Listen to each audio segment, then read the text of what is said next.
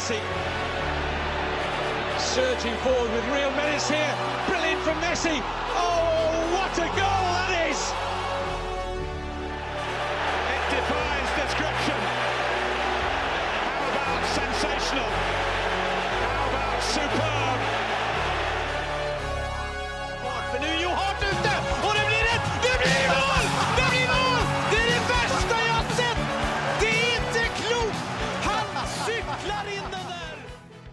Ja da, velkommen til episode 220 av den eh, nydelige fotballpodkasten 90 minutter. Med meg i studio så har jeg som vanlig Mats Gran Wold.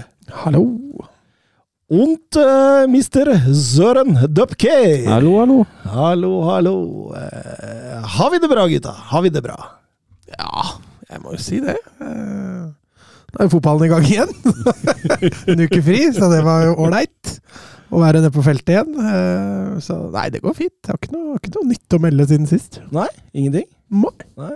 Har du, har du, eh, Søren, har du hatt et raseriutbrudd i dag? Jeg tenker på landslagsuttaket. Ja, jeg var nære på. Jeg var, jeg var ganske forbanna. Og så er det noe med at jeg, jeg merker altså det, det virker som om, eh, Solbakken blir mindre og mindre tålmodig med ting nå. Jeg syns ikke den kommentaren han hadde om at ja, det er ikke Facebook, eh, Facebook-utvalget som tar ut landslaget og forsvarer Strandberg på den måten. Jeg syns det er litt sånn eh, det er sånn, Nedlatende. Ja, jeg syns det er en nedlatende holdning. Eh, og altså den der med VG, eh, med spørsmålet rundt Haaland, eh, at den blir, at den blir så, så sur, da. Eh, det virker som at den mister litt uh, suvereniteten, da. Jeg syns det virker som det er Facebook-utvalget som har valgt landslagstroppen når eh, Stefan Strandberg er med. Fordi eh, altså ja, de kan jo umulig ta det ut på form. Nei, det går Ja, ikke kvalitet heller. Altså, Altså, så jeg i helga Ja. med en viss Jesper Daland i, altså, jeg, jeg, jeg, skrev i Belgia. jeg skrev til i chatten altså, jeg mener at det bare i LSK finnes faktisk fire norske stoppere som har høyere kvalitet enn Stefan Strandberg, uten at de nødvendigvis mener at noen av de bør tas ut på landslaget. Ja, i hvert fall per nå, ja. Ja, ja, ja, ja. Fordi altså, det Stefan Strandberg har altså, Han har jo vært ene og alene skylda i opptil flere av baklengsmåla til, til Vålerenga. Nei, det, altså, dette her er sjokkerende greier. Altså, jeg, jeg var helt sikker på at han ikke skulle bli tatt ut Nei, av det. klippekort, vet du. Og jeg, jeg, altså, jeg, står ved det jeg sa sist. jeg sa. Altså, bare uttakelsen av Strandberg er oppsigelsesgrunn. Altså. Ja, det, det, det, er, det er et eller annet Strandberg har på den, tror jeg. Noen bilder eller et eller En video. Ja, en video, ja. Kanskje det er en video. En uh, Benzema Light. eh. Ja, altså, altså er det jo noe med da, altså Nå spiller vi mot Færøyene en treningskamp. Altså, det er jo det neste Da. Hvorfor spiller vi treningskamper alltid mot sånne lag som ikke er på samme nivå som oss? Altså, Hva får vi ut av å slå Armenia 9-0, eh, 5-0 mot Jordan og nå Færøyene neste? Altså, Jeg forstår ikke helt hva man får ut av det, uh, istedenfor å prøve seg på motstand på sitt, sitt nivå. da, Men der tenker jeg jo altså det neste kamp mot Skottland er altså ganske ubetydelig. Vi kommer ikke til å kvalle via gruppespill uansett. Prøv litt andre spillere. Prøv framtida. Ikke prøv en som er hvor gammel han nå? 33, eller noe sånt? Ja, ja. Ja, ja. Altså, altså- han er vel kanskje 34-35 når den nye kvaliken kommer, han. Ja, da spiller, altså, Kanskje han er 35 allerede mot Skottland. Kommer i hvert fall til å se sånn ut. Nei, det, det, det der forsto jeg ikke, og jeg kan tenke meg Søren Døfker satt og, og banna hjemme når han så det. Ja, ikke happy. Eh, før vi begynner, et par eh, morsomme spørsmål. Eh, Anders Hansen eh, han ønsket tanker om sin nye katt. Eh, som han har oppkalt eh, Baker Hansen. det kommer jo av de som ikke helt har fått med seg ut, eh, eller etter en, Det er en liten hyllest til Søren Døpkers fantastiske Hanke Olsen-forsnakkelse, er det ikke? ja, det er nok det. Jeg har kalt den vel for Baker Hansen etter en landskamp en gang. Det var en søt katt, da. Ja, Ja, det var en fin, fin katt. eh, Åpenbart redda fra en grøft, så det Anders Hansen er en fin fyr, altså. Det virker Ja, sånn. han er det. Veldig. det Jeg jeg har møtt den flere ganger, han er Ja, ja. Selv om han la dette på samboeren sin, tror jeg. Jeg tror han gjorde det. Men eh, ja. Eh, Tor Kjetil eh, Mårdalen, er også et, en bekjent av podkasten her, han ønsker et nytt reality konsept, og tenker da på tittelen til en episode fra podkasten Kald kaffe, hvor det står 'Ett år med Søren Dupker'. Kunne det vært et reality-konsept, Mats? Eh, ja, det hadde blitt eh, Det hadde blitt veldig A4, Ja. tror jeg. Det er sånn alt hvordan gjør ting som det skal gjøres, liksom. Eh, Måtte konkurrert om å være mest mulig A4, jeg tror det hadde vært mye artigere sånn Søren Dupker fikser bilen din. Det kunne vært, det kunne vært artig. Altså, Dupker skifter dekk. Den hadde vært uh... Søren Dupker ser på værmeldinga og tar, tar et valg. Det hadde vært artig, faktisk. Men det er litt sånn ja, ja, en konkurranse om hvordan gå om bord i et tog. Ja, ja. Eh, hvordan eh, leve med en energibunt av en hund i en blokkleilighet i Oslo. Så, sånne ting som det. det, altså, sistnevnte gikk ikke så bra, da. Nei, det er nydelig, nydelig. Eh, vi har mye fotball å snakke om i dag, så jeg tror vi bare kjører på.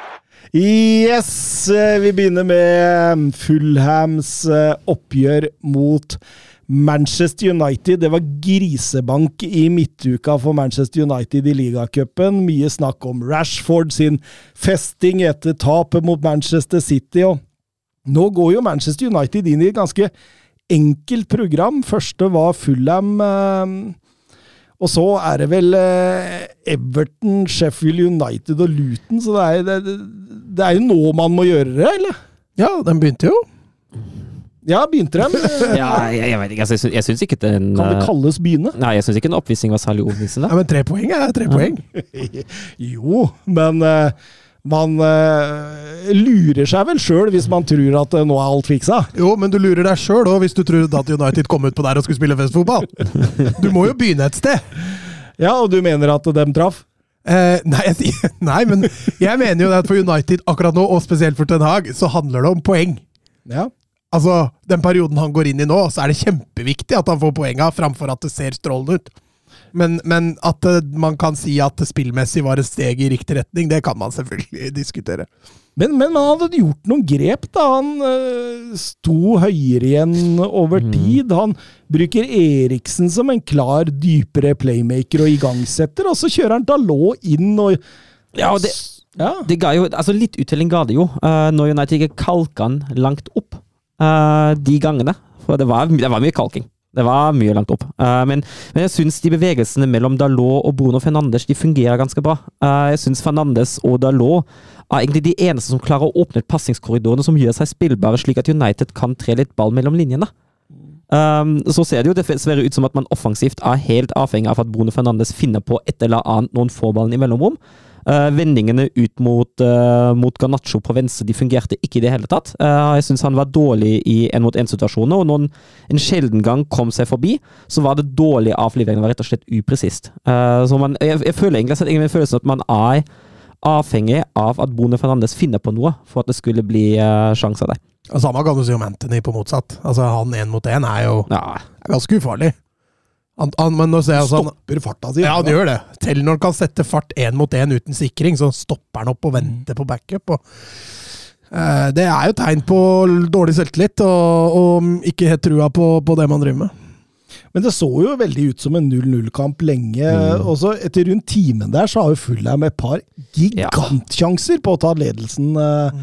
Ja, William som drar opp et par, par opp av hatten der, og, og Muniz virker jo, virker jo frisk der framme. Iwobi jo, løper jo mye der, så de, de får et momentum, da, og det momentumet ødelegges jo av, av den litt stygge skaden til, eh, til Muniz der. Eh, For da går det plutselig noen minutter, United får samla seg, og så går det trøkket litt sånn over. Eh, Så United reddes nok litt der, at momentumet blir tatt ut. Ja, og så er det vel, ja, i denne kampen kanskje en av banens beste, Bruno Fernandes, som eh, avgjør helt mot slutten. Og det er, det er jo genialt, det han gjør, men for et forsvarsspill, da. Ja, altså forsvarsspiller det ene per linje. Altså, Det er vel to horrible klareringer, nei, og det er, det er ikke bra. Men uh, når han først får muligheten, er det klasse. Jeg er helt enig. Ja, han klarerer to ganger elendig. Først i blokk, og så rett ut til Fernandes der. Og så er han med også på å bli dratt av Mm. av Fernandes der før, eh, før skuddet går, så det, Palinia hadde blackout eh, i, i noen sekunder der. Og, og det var nok til at Manchester United eh, vant kampen. og eh, Én ting er da at Manchester United har slitt denne sesongen, men, men, men de, de, har, de har vært gode på å vippe disse vippekampene i sitt Mm. favør, faktisk. Mm, mm. altså. Ja, og det ser man jo litt sånn når man ser startelverne til disse to lagene her. Når det blir en litt sånn krigerkamp og en litt sånn vippekamp, så har United den lille X-faktoren. Og, og som regel så er det Bruno Fernandes som er den lille X-faktoren offensivt. Og, og, og det er han i dag òg. Når, når United fortsatt sliter med å få satt det offensive, da, så er de helt avhengig av at enkeltspillere stå fram som, med noe genialt, sånn som f.eks. Fernandes gjør der. Da. Eh, Den skuddfinta er, den er klasse. Eh, tre Fulham-spillere som går på, og et skjult skudd da mellom beina på, på nestemann som, som setter Bernt Leno ut der. Så det er, det er en meget god involvering av, av Bruno, og det er litt det, det jeg mener med at han tryller litt der for, at, for å redde United. og det, det er det United trenger nå. Mm. Og, og, og de trepoengere de har hatt denne sesongen, det er, det er Wolverhampton, det er Forrest, det er Burnley, det er Brentford, det er Sheffield United og nå Fulham. Og hvis de klarer da å bygge en sånn positiv momentum gjennom november nå, med et mye lettere kampprogram Altså, hvem veit? Eh, selvtillit eh, genererer mye, det. altså. Ja, Problemet er bare at det er Champions League imellom, da. Ja. Ja, men det er, det er Kjøben, er det ikke det? Ja, Ja, ja, det er men ikke- det er ikke var Bayern, det ikke- Nei, nei, Det gikk på Det er ikke Bayern ja, men Nei, det, nei, men det ja, kunne vært Bayern. Vi så hvordan det gikk sist. Eh, Fredrik eh, Konradsen, tror dere disse marginale arbeidseierne i tide og utide utsetter prosessene som må gjøres i Manchester United? Ja, Jeg kommer an på hva han mener med prosess. da. Altså, hvis det er for å fyke Ten Hag, så vil de jo gjøre det, selvfølgelig. Eh, men, men prosessen Jeg så jo at Ratcliffe hadde ganske planer om å utbedre både det ene og det andre, og det går allerede rykter om, om ny trener og at Den Haag skal ut. Eh, og det er klart, sånn Rent sportslig så vil det jo kanskje utsette en viss, noen prosesser som, som bør gjennomføres, men sånn rent administrativt så regner jeg med at ikke det gjør det. Ja, for Ole Haaland han er inne på det du snakker om. Sir Jim Ratcliffe har satt av, satt av penger til infrastruktur, organisasjon og Old Trafford. Virker som han begynner i riktig ende, eller dere har jo vært inne på dette? Ja, vi har jo snakka om at Old Trafford eh, fall, forfaller jo. Eh, Den, den må pusses opp. Eh, Når det gjelder infrastruktur, så er jo det litt vagt, da. Det er vanskelig å vite, vite nøyaktig hva og, og hvem og, og hvordan. Når det gjelder rent sportslig, så har vi også snakka mye om det. Det er fortsatt mye som må gjøres der. Noe av pengene skulle brukes i organisasjonen, finne en ny fordeling og nye løsninger rundt spillerekrutteringsfeltet. Det tror jeg utelukkende positivt. Ja, det tror jeg òg. For eh, vi har jo, vi har jo kritisert spillerekrutteringen til eh, United til flere anledninger de siste åra. Eh, så å, få, å få litt andre rutiner og kanskje litt friske tanker inn deg. eh, noen nye fjes, kanskje. Det tror jeg fort kan hjelpe. Mm. Men eh, for å gå litt over til eh, det Konradsen spurte om der, da. Jeg tenker, det er jo aldri dumt å vinne fotballkamper. Altså, samtidig, hvis man klarer å være ærlig med seg selv, da. Eh, hvordan man vinner dem. Eh, eh, så, og, og, og, skjønner fortsatt at skoa trykker, selv om vi vinner kamper, så er det jo Altså, utelukkende positivt. Ja, vet du hva, altså, jeg, jeg, men jeg skjønner hvor han vil hen, for jeg tok meg litt i nå, etter Bremen-kampen nå på søndag vi kommer dit, at jeg, jeg tok meg litt i at ah, farken at vi slo Leipzig i midtuka i cupen. Kunne tapt den, så hadde det vært nærmere Kovac. Det, er- det er litt der jeg er. Jeg, jeg er litt der nå. At uh, jeg mener at det prosjektet da er så kjørt. Men vi, vi kommer dit, så jeg, jeg skjønner veldig godt hva han tenker. Mm. Uh, jeg, har hatt, jeg har tenkt litt den tanken et par ganger med, med mine lag. Jeg husker at det var Lennartson. Nei, det var faktisk Kristinsson. Da vi slo Godset ut av ingenting. Var inne i en skikkelig dårlig periode, og så overlevde uh, Kristinsson i flere uker for å ha slått Godset 2-0. Eh, den husker jeg veldig godt. Og så var det med Det var vel med Valerio Ismael. Også da vi slo Hoffenheim en gang. Da, og så tenkte jeg, men herregud. Altså, inni, jeg, jeg skjønner hva han mener, at innimellom kan sånne Sånne marginale seire, uh, uten at det egentlig er noe særlig bedring, utsette det. Om det nå er den situasjonen i United Tja. Ja, men så, så, så lenge man klarer å være ærlig rundt det, da, Ja, at analy analysene er korrekte, grepet har blitt tatt ut ifra hva som faktisk skjer, og at man ikke skaper seg dette luftslottet, da, Mm. så, så vil det jo uansett være positivt. Da vinner man fotballkamper. Det, det, det er bedre for alt og alle. Det er bedre for selvtillit, det er bedre for publikum, det er bedre for eh, spillere. Alt. Så vær ærlig med dere sjøl. Hvor står vi? Det er ikke bra nok, det som har blitt levert, men vi tar poeng, og vi er i Ja, hvert fall ikke nedrykkssumpa. Sånn og, som og da tenker jeg, altså, da må man også som Og det er, det er ofte det som er problemet i, i ledelsen, da. eh, at man makter ikke å se bak resultatet. At Mm. tre sånne, sånne humper seg plutselig Bergen-trener i, eh, i fire, fem, seks uker til. Det er jo kanskje der hovedproblemet ligger, som du er inne på. Mm. Finn Jørgen Halvorsen har Høylund sin start egentlig vært så bra. Han har på en måte sluppet unna all kritikk, eh, men står med 0-0 i Premier League på åtte kamper nå. Han har ikke vist seg å være den store poengplukkeren ennå. Men det han, det han har vist sånn, med tanke på tilstedeværelse, fysikk, altså alt dette sitter jo der.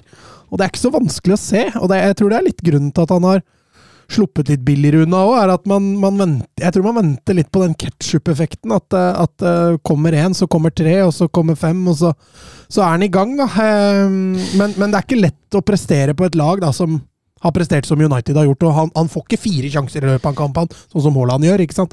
Så han må ta de få sjansene han har nå til å begynne med, og så tror jeg det kommer til å bli bedre og bedre. Ja, helt enig. Altså, hvis vi ser på XG-tallene hans, og de ligger på 1,68. Så han er ett til to mål bak, og det, det er fortsatt ganske marginalt. Mm. Uh, og det er litt vanskelig å spille spiss på det United-laget som vi ser nå, altså. Uh, vi har jo snakket veldig mye om, uh, om plan i, i angrepsspill, eller fravær av sådan. Mm. Eh, og det, det er ikke lett å være den der fremme som skal, uh, som skal skåre mål og avslutte. Og så skal det tillegges det at han har jo et par kasser i Champions League, så det, det, Ja, det jo vil være god målestokk. Mm. Vi går over til Manchester Citys eh, ja, kan du si totaltslakt av eh, Bournemouth. Jeremy Doku-show. Jeremy Ah. Nå begynner han å Nå begynner han. Ja, det, det er altså fem målpoeng han deler opp med. Ah, herregud, altså få Ett mål og fire assist, Ja, var det ikke? få en prestasjon. Og, og det er ikke bare altså, Det er greit at han skyter Ia kanskje, og så går ballen i mål, men altså, den assisten han har før, før 2-0, da han sender Meffem to ganger i pølsebua Mm. Åh, det er, det er så nydelig. Å se ham når han virkelig setter fart én mot én, når han kommer i de posisjonene der han kan utfordre og bruke de dribbelferdighetene han har. Og så har han jo god oversikt i tillegg og klarer å avlevere. Det er, det er så klasse. Hvis han blir slept enda mer, så har han fått helt der opp, altså.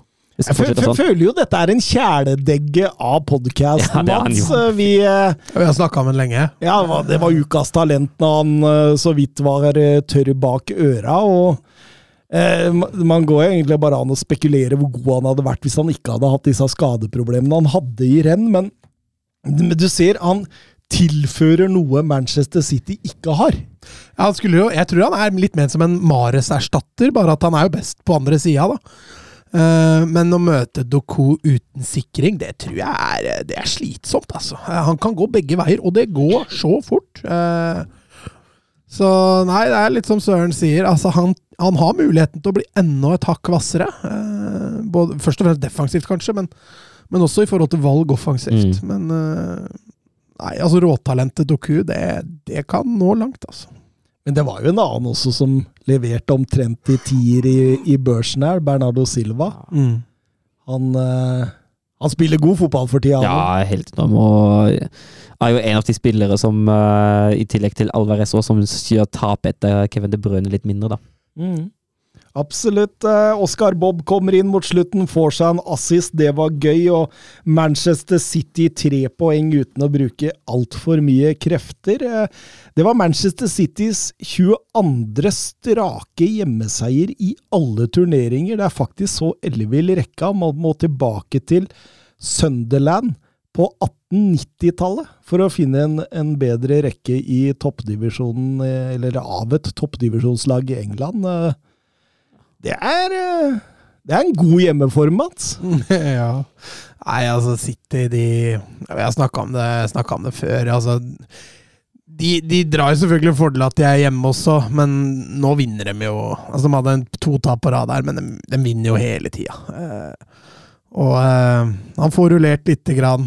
Eh, nei, det ser, det ser veldig bra ut, altså. Men eh, eh, hva skjer med Julian Alvarez når Kevin De Brøne er tilbake, spør August Landstad. Ja, det er jo et interessant spørsmål. for Jeg, syns jo han har vært god.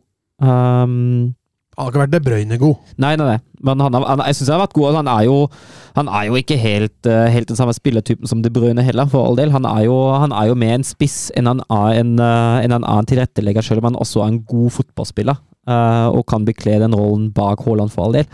Um, nei, han, eh, han må vel kjempe om plassen sin. Altså, det er jo flere posisjoner han kan spille på. Uh, det er jo, er jo ikke knytta til, til den ene rollen. Han kan jo spille som spiss, som uh, Haaland erstatter. Han kan til og med brukes på kant. Mm. Um, Det kan De Bruyne òg. Han kan også spille Ja. litt bredt. ja, men uh, jeg, et tipp er at altså, han får jo sine minutter hvis han fortsetter som han har gjort nå, da. City trenger en stor stall. Ja. Sånn er det. De eh, Mm. kommer til å spille igjen 65-70 kamper kanskje denne sesongen, så da det blir mye mer enn nok av spilletid, eh, vil jeg tro. Eh, Newcastle Arsenal, én av to storkamper denne uken. Eh, Fin oppbygning til kampen. Det var mye snakk om kampen på St. James' Bark sist sesong som en av de beste i den Premier League-sesongen. Eh, Flomlys, to topplag, en enorm stemning fra tribunen. Dette, dette blei jo eh, det, det kunne blitt en fotballfest, men det blei nesten mer litt sånn slaktefest. ja, det kan du si. Og den, den krig Altså, du har jo en det er en høyintens kamp, da. Eh, Det er et ekstremt stor intensitet, mye aggressivitet. Eh, Og det hele begynner jo egentlig allerede etter ti sekunder. Nå har jeg jo glemt notatene mine til den kampen der. Jeg har skrevet ned hvem det var. Har du glemt Ja, ja, ja. Eh, Jeg tror det var Jorginho, jeg husker ikke om det var Burn eller noe sånt. da. Um, og så begynner jo, Jeg føler at dommeren begynner å miste litt kontroll. Du har en situasjon med, med Burn i midten av første omgang, da han egentlig bør ha gitt det gule kortet for å roe kampen litt ned. Det bommer han på. Og konsekvensen av det, det, det får en sett uh, nå Havertz, Havertz meier i uh, Longstaff, hadde vel? Mm. Ja, etter 36 minutter der, ja.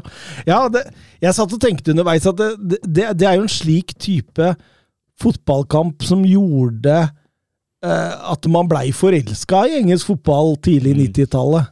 Altså, det, det var så direkte, det var så høyt tempo, det var nerve, intensitet, trykk, temperatur. Al altså, alt var der, da. For en sånn god, gammeldags engelsk fight. Og det, altså, det, Manglet bare potetåkeren. ja, det, det, det var litt finere gressmat enn så så, ja. Men eh, eh, som du er inne på, det, det koker noe voldsomt. Og, og eh, Torjus Hansen han spør eh, bør eh, Gimares ha rødt kort for overfallet på Jorginho rett før pause der. Ja, jeg syns det. Han eh, Altså, det, ballen er jo langt, langt unna. Eh, og så løper han jo etter Jorginho og slår albuen med full fart i bakhodet hans. Og jeg ser ikke noe annet enn at det er et rødt kort, jeg. Etter regelverket. Det er jo rein hevnaksjon. ja, over, overfall. det er- Altså, det er overfall. Torjus Hansen sier det jo korrekt. Det er overfall. Ja, jeg syns også den er eh, Altså, sånn tekstbok så er den jo klink. Eh, men samtidig, da, når det er litt sånn som med med den kampen vi skal til snart, da, hvor, hvor ting flyter Du vil gjerne ha 11 mot 11 på banen, sånn, som fotballsupportermessig. For du veit at dynamikken i kampen blir helt annerledes hvis han får rødt kort der. Men jeg, altså, etter boka så er vel ikke den egentlig soleklar? Da. Jo, jo jeg, jeg mener jo det, men samtidig så tror jeg dommeren gikk inn i den situasjonen, eller eh, om han fikk den med seg, jeg aner ikke. VAR gikk ikke inn, og da da, da må jo VAR mene at det er en clear and obvious, da. Mm. Mm. Men eh, morsom fotballkamp for all del, selv om det sto 0-0, og tendensene de opprettholdtes for eh, alvor også etter eh, etter eh, pause. Jeg syns Newcastle var best da. Eh, tok litt mer tak i det, rett og slett. Vant litt flere dueller, og syns Arsenal ble løpende litt mer imellom. Ja. Og da kom jo Anthony Gordon-skåringa også, og da blir det kaos. Det blir litt kaos. og Det er jo, altså det er jo det er flere situasjoner som sjekkes. Det er tre situasjoner som sjekkes. Det ene er jo A-ballen ute. Uh, noen... Der fant de ut nei! Ja, og den er jo en, så det kom jo, Jeg så jo mange bilder på Twitter at uh, ja, Bein, Beinsport hadde jo et bilde av dørlinja der. Mm, Eller sidelinja. ja, Og der, den viser jo at ballen ikke er ute. ja, men jeg så jo mange bilder av Twitter sånn Ja, dette her stoler vi på, alt det der. Altså, det er jo perspektiv. Uh, jeg har sett lignende situasjoner der ballen ikke har vært ute. Uh, og fra det perspektivet som, som jeg så, i hvert fall på de Twitter-bildene, så det jo ut som at ikke hele ballen var helt over streken. Og det er Mm. det som må være Ja. tilfellet. Så greit nok. Uh, så blir det jo sjekka for offside, det var det ikke. Men den duellen mellom Joe Linton og Gabriel Jeg skjønner ikke at VAR ikke går inn der.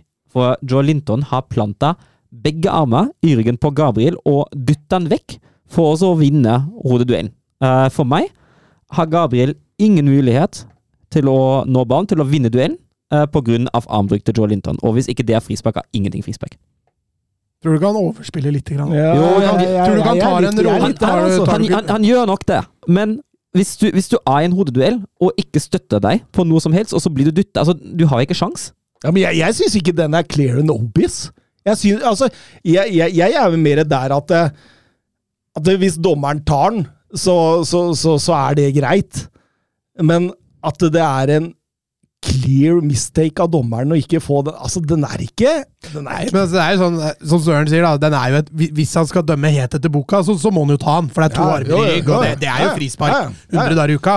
Men så er jeg enig med deg, for jeg syns Gabriel tar en råsjanse der, for jeg mener at han går for lett ned, Mm. og skal prøve å manipulere dommeren til å vise tydeligere at dette er frispark. Og så når han allikevel da ikke velger å dømme, så er jeg for så vidt enig i at eh, ok, i hvert fall, at den ikke går, eh, går til var. Jeg, jeg, jeg, jeg det er Altså, jeg, jeg har fått mange spørsmål om disse episodene her, eh, på både PM og, og ellers uh, ute på gata, faktisk, har folk kommet bort og spurt hva jeg syns om, eh, om dette. Og, og, og, og, de fleste blir veldig overraska, fordi de har litt syn om at eh, den skulle vært klart annullert. Eh, men når jeg sier at eh, jeg syns heller det blir robba for det eh, røde kortet Gumares burde hatt. Det er, den syns jeg er klarere enn om man skulle men, men, Og da blir de sånn Ja, ja, jo, kanskje det!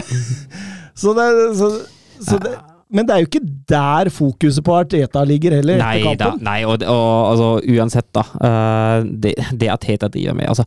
Altså går han jo Det er flaut. Det er er Og så gjør Ja, følger ja. Arsenal som klubb opp etterpå. Ja, altså, altså, altså, altså er det mannen som går ut og forsvarer dommeren etter den der eh, Tottenham-Liverpool-episoden. Ja, ja, ja, må jo stole på dommeren, bla, bla. og Så snart han har ramma sjøl. Altså, det er jo skinnhellighet og hykleri uh, de luxe, da. Eh, og eh, Sånn, er, sånn har det blitt. Ja, sånn har det blitt. Og, Altså, meg, jeg, og, og mitt, og så Ja.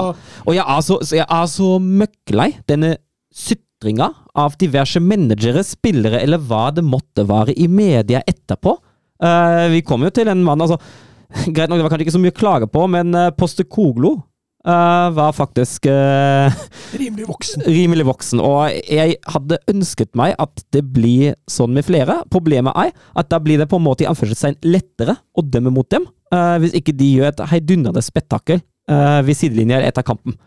Bare for å ta mest mulig men, men, det, men det Postekoglu sier der, det, det er litt sånn til ettertanke. For han, han er jo mer inne på det at hvis vi fortsetter sånn som vi gjør nå, så, så har vi ikke dommere dommeren igjen mister- snart. Da, da, da vil det bli en buss Ja. som, som dømmer flere mil unna. Ja, men er jo helt Den, den er litt sånn Ja, nei, det, fordi det, det, det Arteta gjør her, og det, det er mange som, av våre lyttere som ønsker vi skal snakke om det, og om dette med Arteta og, og uttalelsene i etterkant og sånt. Men altså, altså, altså tenker jeg, vet du hva jeg også tenker? Altså, hver gang noen sitter og klager på en dommer altså, Ja, jeg har tatt med å være irritert på dommere sjøl, men bruk heller energien på noe du kan gjøre med. Da får marginene være såpass store at ikke dommeren kan ta fra deg de marginene da, da. Mm. Tenker jeg. Ja, men Én ting er når du står i kampens hete og du får en reaksjon. Alle kan Ja, det, det, det, alle, er skjønner er det. Men når du sitter på en pressekonferanse da, og en time etter kampslutt, var det? Ja, det er en halvtime, time etterpå. Ja, og du fortsatt ikke har greid å roe deg ned, Ja. og du er fortsatt opphengt i den situasjonen Den ene situasjonen er du helt opphengt i. For, altså, jeg, kan, jeg klarer ikke å kjenne meg igjen sånn som han I, I tillegg når Lagerit ditt nærmest produserer nada sjøl, da. Ja. Altså, Ja. det, det, er litt, det handler litt om det òg, Yes. syns jeg. Altså, det, det, er jo, det er jo ikke sånn her at eh, Arsenal, at dommere robba Arsenal for seieren her, eller, eh, eller poenget. Altså, Dette kunne Arsenal gjort bedre sjøl ved å spille en bedre fotballkamp. De, de var jo altså Det er sjelden jeg har sett dem så tafatt og offensivt. Men det som også hadde vært mye lettere, var hvis han hadde gjort dette hvis Arsenal også hadde vunnet. Ja, det hadde han jo ikke. Nei, det er ikke det jeg mener! Det er Hadde, hadde, hadde det vært omvendt, hadde han gått ut og hylla dommerne og krevd respekt fra, for dommerne for avgjørelser som blir tatt, og bla, bla, bla. Men, eh, men hvor trykker skoen eh, i Arsenal nå? Ganske langt unna nivået de viste forrige sesong, sier eh, Daniel Ødegaard. Er de, er de langt unna? Ja, perioder så har de vært ikke langt unna, da, men vi har jo snakka om det Jeg snakket om det i forrige episode òg, at, at man, vi, sitter og venter litt på Arsenal, og det toppnivået de viste i fjor altså de, de har liksom kommet til 90, og så har det stoppa litt der, da, i forhold til prosent. Eh, og, og kamper som dette, da, eh, når de møter andre krigerlag som også har gode fotballspillere, så vil man møte veggen oftere enn det de gjorde i fjor. Så, så de er nødt til å få de siste 10% spesielt i kamper som dette, hvis de skal eh, opp igjen. Eh, hvor skoen trykker. altså Det har vært litt mer rullering på Arsenal i år. Eh, de har gjort noen endringer i spillestil. Du nevnte Sjaka i forrige episode. Det er jo en Altså, Han hadde jo passa som fot i hanske i det oppgjøret her. ikke sant? Og det er jo tap. Ødegaard skada, eh, ikke med. Havertz venter man jo fortsatt på. Eh, fortsatt ikke spilt en eneste god kamp. Um, så, så det er litt igjen som mangler. Ja, jeg syns, altså jeg syns jo også at um, det mangler litt sånn gjennomslagskraft sentralt. Eh, jeg, jeg, jeg så da jeg så den Newcastle-kampen, så tenker jeg altså Newcastle stenger mellomrommet og, boks, så er det litt sånn gjort, da. Jeg Eh. også tenker litt det, Søren, at det, det er veldig mye opp til at eh, Bukayo Saka Ja. og Gabriel Yes. Martinelli skal på en måte skaffe den ubalansen og, og, og sette opp i boks. Ja. Og, og når da man kjører sikring og nærmest trippelsikring på disse, så, så blir de trukne alltid innover, innover, innover. Ja, og- og så da er det trangt, ikke sant? sekken. Er Ja, rett i sekken. Og det skjer gang på gang på Ja. gang. Så, ehm, og det handler litt også om at jeg syns at bekkene deres ikke kommer like Mm. ofte som tidligere. Ja, det, ser- altså, det, det ser nesten ut som at du, Ja, men- har du noe insider? Har du, har du noe insider? Ja, men altså, det ser jo til tider ser det ut som at man venter på overlappen til Ben White, ikke sant? Og så, eh, ja, og da, da blir det dårlig flyt, og, og klarer ikke å utnytte noe som helst, og posisjonering og Ja, nei. Vi må videre til Luton mot eh, Liverpool, og eh, du kan si det var et lag som kjempa knallhardt her, Mats. Ja, det var et nyopprykka lag som hadde lyst til å, å sjokkere litt. Liverpool selvfølgelig med, med voldsomt mye ball, og Luton med en veldig soleklar plan om å ligge tett og smalt, og kontre som pokker på det de har eh, mulighet på. I første omgang får ikke Luton til så veldig veldig mye, men i andre omgang så syns jeg den begynner å flekke tenner ganske tidlig. eh, og får satt opp eh, Får satt opp ganske tidlig overtall i kontringene, eh, og da, da begynner Liverpool å bli litt mer shaky. Ja, for Liverpool sliter med å kontrollere på en måte Altså, kontrollere kampen her. Ja, de gjør det. Uh, er ikke helt det der uh, vedvarende trykket, da. Og vi har jo litt for å ha funnet tilbake til, til det da med å, med å legge mye press og, og være gode i gegenpressing og gjenvinningspiloter. Jeg, jeg syns kanskje det mangler litt her. De har, en, eh, de har noen gode perioder. De har den der kjempeperioden med flere gedigne sjanser rundt Mm. 70. Uh, men ja, det, det er kanskje det som mangler litt, ja, i den kampen. Og Nunes, jeg vet ikke hvor mange ganger han skyter. Ja, Ja, mye avslutninger i den kampen her, altså. Han Altså, det- skyter ennå. Ja, han står igjen der borte og skyter ennå. Men han har fortsatt, fortsatt ikke truffet. Ja. fortsatt ikke skåret. Ja. Men altså, den, den der, den bommen han har i 70 I det Ja. 70 der, Å, herregud. Ja, den er, den er fin, men det er jo ingen tvil om at Liverpool her, her må man ta på seg arbeidshanskene, kjeledressen. Her må man ut og grave. og Åssen syns du de, de takler det?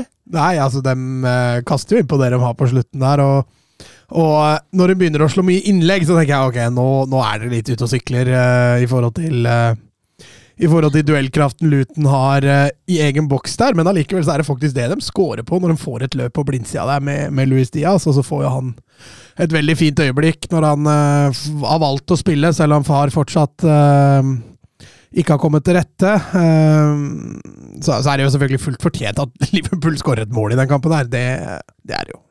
Det er greit at eh, de, de fikk med seg noe mot slutten der, selv om uh, Luton Man hadde jo unna dem også, så det, det la, Ja, dem- la ned en innsats der, altså. Men det er, det, er jo, det er jo der ikke sant, Luton også kan ta Liverpool. Det er på innsatsen, ikke sant? på, på trøkket, duellspillene. Altså, Hvis de skal spille på samme premisser, så hadde det blitt 8-0. Så, så, så, så, så det blir en greie her, og, og når Luis Diaz setter inn 1-1 eh, på overtid der, så ja, Det er vel som Jonathan Hobber skriver, det er, det er lov å unne Luis Diaz den, selv om han ikke er Liverpool-fan. Ja, ja. Den, eh, det var jo et, sånn sett et varmt øyeblikk, eh, med tanke på det han har vært igjennom. Ja, Og fortsatt, fortsatt ei. Ja, Ja. ja. Og så var det et litt sånn atypisk Luis Diaz-mål å å sette den sånn, men eh, for all del. Vi går over til eh, Tottenham-Chelsea, og Der er det vel ikke så mye å prate om. Nei, jeg, jeg skulle til å si det. Her gjelder det å holde tunga rett i munnen, altså. Men, men vi, vi får stykker opp. Eh, første kvarteret så vasker Tottenham nærmest gulvet Mm. med Ja, jeg vil si helt fram til sånn får den annullerte. Det er vel et par og tjue, er det ikke? Nei, det er, det, det er et kvarter. Ja, det er et kvarter, ja. Ok, ja, da er jeg enig. Da er det jo et kjør som det Og, og, og, og det kunne bli 2-0 der. Det er, det er millimeter. Ja, ja, og det sa jeg jo før vi gikk på her, at, eh, at Tottenham uh, Altså, det, Tottenham har vært gode i år, men det de viser første kvarter der mot Chelsea, det er, det er klasse med tanke på motstand. Ja. Og Chelsea er De ser rysta ut. Ja, jeg, jeg, jeg, altså, sånn skal jeg er nesten bare glad for at det var offset fra før. At det ikke var, gikk inn og annullerte. Det var på en måte bare bekrefta. Men åh, ja, ja, de der millimetergreiene, de er så slitsomme. Ja, det var fantastisk angrep. Ja. Fantastisk angrep. Så det, det, det var eh, litt trist, men de skal kjøre på videre. Så kommer eh, Chelsea inn i kampen. Ja, det, Krige litt. ja, men jeg føler også Tottenham Etter den sånn-skåringa så begynner Chelsea å få noen annullerte mål. og utfordringa der er at det tar så lang tid. Med VAR, stopp i spillet. Ja, Momentumet til Tottenham blir helt borte. Eh, og Chelsea kan egentlig bare, ved å ta ut tempo i matchen, så kommer de inn igjen i kampen. Og, og alt det VAR-stoppet der, det, det tjener utelukkende Chelsea på. ja. Hva har vi? vi har fire VAR-situasjoner første halvtimen. Ja. Det er Og, og det går lang tid på, på alle. Mm. ja. Og det, det ødelegger jo mest for Tottenham. Jeg sa det jo før vi gikk på her, at etter sånn får den annerledes skåringen Alt som kan gå gærent for Tottenham da, det går gærent. Eh, og så eh, Ja, så har jo Tottenham en spiller da som overhodet ikke takla Ja, det, det, for, ja, fordi man endte jo nærmest opp i en uh, Newcastle-Arsenal her. Mm. Eh, eh, en dommer som eh, Som på en måte mister litt kampen. Og eh, Oscar Pepito skriver 'gi Thomas et minutt for å snakke om eh, Michael Oliver'. og eh, det, Altså, jeg, jeg, sliter med å legge noe skyld på dommere her. Eh, ok, jeg syns eh, at lista han legger seg eh, på i den perioden her, at den er fryktelig høy. Eh, det som skjer når du legger deg på en så høy eh, linje i et sånt oppgjør, det er at du får en fire, fem, seks, sju spillere som løper rundt på matta der og føler seg urettferdig behandla. Mm. Og, og, og, og det begynner å koke litt. og for meg så blir det nesten som at Michael Oliver har han ikke sett Tottenham-Chelsea de siste åra. Det har jo vært kriger. Det har vært fullstendig bananas. Og, og, og, og når, når, da, da tenker jeg at da må du komme inn der med en myndig, eh, litt sånn klar rød tråd på hva man aksepterer og ikke. Det, det, det her er akkurat som man ser bort fra noen frispark. Altså, jeg, jeg skjønner at det er frispark, men jeg dømmer ikke. Fordi her skal vi legge oss på den og den lista. Og det, Ja, Følte du ikke det gjaldt begge lag òg? jo da, jo da. For, jo for Tottenham jeg- slapp jo også billig unna på et par Helt, situasjoner. helt klart. Det er derfor jeg sier at jeg skylder ikke på Oliver for noe av, av, av det som skjer, men jeg sier at han er med på å skape eh, måten kampen ble, også. Og så er det selvfølgelig spillernes ansvar å holde. Ja, for det, det er det, det siste der som jeg henger meg mest opp i. Fordi meg sånn Jeg er jo selvfølgelig enig med deg at det er et par frispark der han kunne tatt. Kanskje han burde tatt det.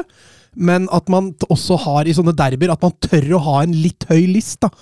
At ikke kampen blir blåst i hjel. For du ser jo også når VAR begynner, begynner, begynner å styre der, så kampen blir jo helt ødelagt. Du mister jo trøkket, du mister intensiteten, du mister, du mister så mye, da. Og det er jo akkurat det siste du nevner der, med at det er, til syvende og sist er det jo spillernes Ja ansvar Ja, det å sørge for dette her. Og, og Romero er jo for så vidt ganske heldig, som faktisk trenger to sjanser før han får det røde kortet.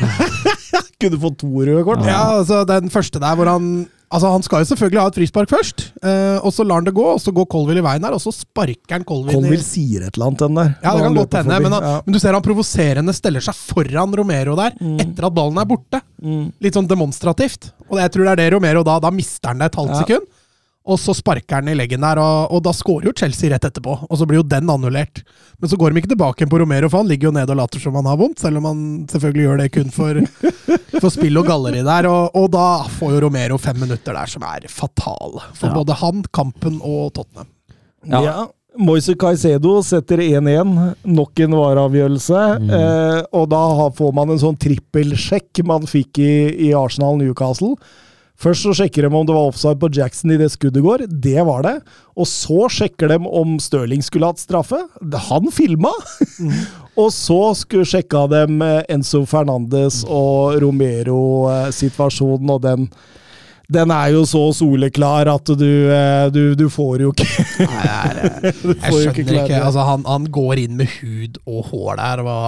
Ja, vi har, vi har snakket litt om det før, jeg har vært inne på det Altså under den kontetida når, han, eh, når han drev og, og dro i håret på Kokoreia. Uh, i, i, det, i, det var altså mot, i Tottenham-Chelsea. eh, i, I fjor høst var det vel at han må begynne å roe seg ned. Han må begynne å tenke og puste litt mer, altså. Ja, men jeg, jeg, jeg syns Ja. han har klart det denne ja, sesongen. jeg er litt enig med deg der. For det Jo, gjelder det akkurat men- i de kampene her, Ja. i de øyeblikka der.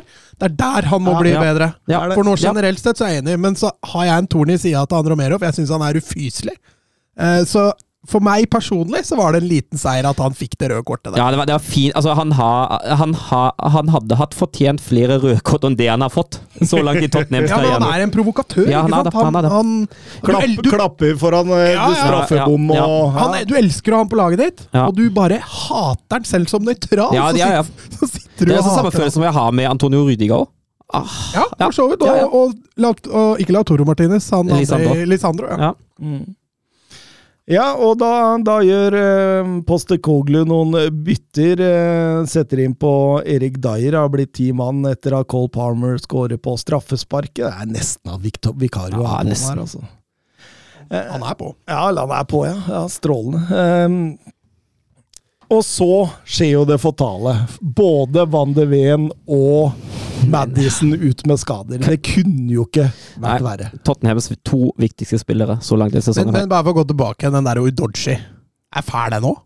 Jeg er enig i det. Ja, men det er reddelsen av at han ikke treffer. Jo, men, men det er ikke hans skyld. Nei da. Det nei er da. Stirlings skyld. Nei da. Jeg hadde ikke satt fram foten der heller. Nei, nei, nei, for all del. For all del. Eh, kokte litt der òg. Eh, men eh, men eh, Å få skader på de to Ja, Det er bare de to og Bizuma jeg har trukket det fram før. Mm. Eh, Madison, Bizuma og van de Ven det er den viktigste sentrale linja Tottenham har, og nå må 66% av den ut. Det var kjapp hoderegning, hørte du? 66,6 faktisk, for å være helt uh... Men nå kommer Erik Dyer inn og gjør en strålende jobb, da. Ja, han gjør jo det. Uh, men men altså, hvis, man- vi ser jo, og vi, vi hadde jo den diskusjonen før vi gikk på lufta, da. Hvis han ønska å stå så høyt, og så, altså, så ukritisk høyt som han gjorde etter hvert med 9 mot 11 uh, Mikki Fandevin er jo helt uerstattelig uh, i det der. Eh, I å ha den høye forsvarslinja såpass utprega som uh, Postecoglus Tottenham har hatt det så langt, eh, så er jo van de Ven eh, helt enormt viktig, og jeg ser ingen andre i Tottenham som kan utfylle den rollen på stoppeplassen. eh, som han har gjort, da. Så ja, Dyer, Dyer har gjort en god kamp, jeg er helt enig i det. ja, også, Men, så- men, altså, men å forvente at han skal kunne ta den samme rollen som van de Ven hadde, det går ikke. Han har helt andre kvaliteter og helt andre svakheter enn Mikki van de Ven. Ja, det er litt som jeg er enig med deg. Én kamp så tror jeg kanskje ikke man merker så mye, men uh, over tid så tror jeg Dyer kan bli en liten hemsko. Eh, Du ser også gjennom hele matchen når Tottenham står høyt, hele forsvarsfireren til Tottenham står med ryggen til ballen, klar for å begynne å løpe hjemover. For de veit at bakrommet Mm. er så stort. Så mentaliteten er at ok, vi har nesa mot eget mål før ballen er spilt. Og der ligger jo Dyer sin store svakhet, med at han har jo ikke mye fryktelig mye tempo. Nei, absolutt ikke, men uh, selv om det koker uh, uh, voldsomt her, da, så, så blir det 1-1 til pause. Det skal sies at Stirling har sin andre filming for å prøve å få straffespark rett før pause der. Der skulle han hatt faktisk to gule og ut, han også. Eh, Reece James har en albue på Odoji som kan minne om en Guimares light. Og eh, Colville går i full attack på Sarr etter at eh, Nicholas Jackson drar han ned. Så det, det er jo ikke bare Tottenham som, Nei. som gjør dette Nei, her. nei, nei, nei, Men, men at Stirling skulle endt opp med ett gult på de to filmforsøka, det er jeg enig i. Eh, Skulle vært to, spør du meg. Det er er soleklare begge to. den som var, går inn på der. Altså da Ja, men dem kan, dem Da kan prøver ikke han- gult kort på den, men hadde dommeren sett det der, så er det han, han, soleklart gult kort. han, han, Soleklart. Han, han faller jo oftere enn han står. Han der, han legger seg ned på første her, men så reiser han seg fort opp igjen, og det er det som redder han, med at han prøver allikevel å nå ballen. Eh, på den første der, så er enig, da går det jo fryktelig lett. Da venter han jo på kontakta, og så kaster han seg der. Eh, Men den til Reece James, ja, ja, kanskje han kunne fått gult, men det kan jo ikke VAR gå inn på. Og den til Colville, han får jo gult. Eh, og der tar jo Pochettino grep i pausen. Ja, han skjønte at det kokte litt, og det var nok eh, lurt, det der. Eh, kommer ut i pause. Eh, Ikke altfor mye som skjer fram til Odorcis eh, røde kort. Eh, Tottenham fortsetter jo som sagt å stå høyt. Ja. Ja. og, og, og det er for så vidt greit med ti mann, sa dere før her, men så går de ned til ni mann på grunn av det, det, Ja, røde kortet. og da, da skjer det noe man kanskje aldri har sett i europeisk toppfotball. Nei, der står jo, altså, det der forsvarslinja Den står jo ved midtstreken, nesten. Det er helt sykt. Og, og vi har jo hatt en liten diskusjon, uh, og jeg mener altså, Hadde Chelsea leda i den kampen der, i situasjonen, hadde jeg skjønt det. Da må du opp og jakte, og om du taper 2-1 eller om du taper 4-1, det har ingen verdens ting å si. Det er helt greit. Men med tanke på det poenget som man har litt i sin hule hånd, da, kanskje, så, så syns jeg det er Altså, jeg skjønner Thomas, at du som supporter digger det. Hadde vært mitt eget lag, jeg kanskje også digger det, særlig med tanke på den historikken som Tottenham har med diverse ekstremt defensivt tenk tenkende managere. Um, men fra utsida, da, uh, så er det ekstremt naivt fra mitt perspektiv. Ja, jeg syns det er kritikkverdig, faktisk. Eh, For all del, igjen, fra supporterperspektiv så, så skjønner man det, men eh, eh, når, man, når man ser det utenfra, da Det ser så dumt ut at de, at de Fordi Chelsea kan stå 20 meter fra Tottenhams banehalvdel. De må ikke noe press på ballfører. Og Tottenham-spillere står på midtstreken, som jeg sa i stad, med nesa hjemover, klare til å begynne å løpe, for de veit at ballen kommer dit. Ja, altså, altså mangler du jo akkurat den sikringsspilleren der allerede, ikke sant? I Mikki van de Ven. Ja, men også, som jeg sa også, hadde Chelsea begynt å gjøre dette med en gang, som det de gjorde etter 75, var det vel de begynte å bli gode på det, eller få det til.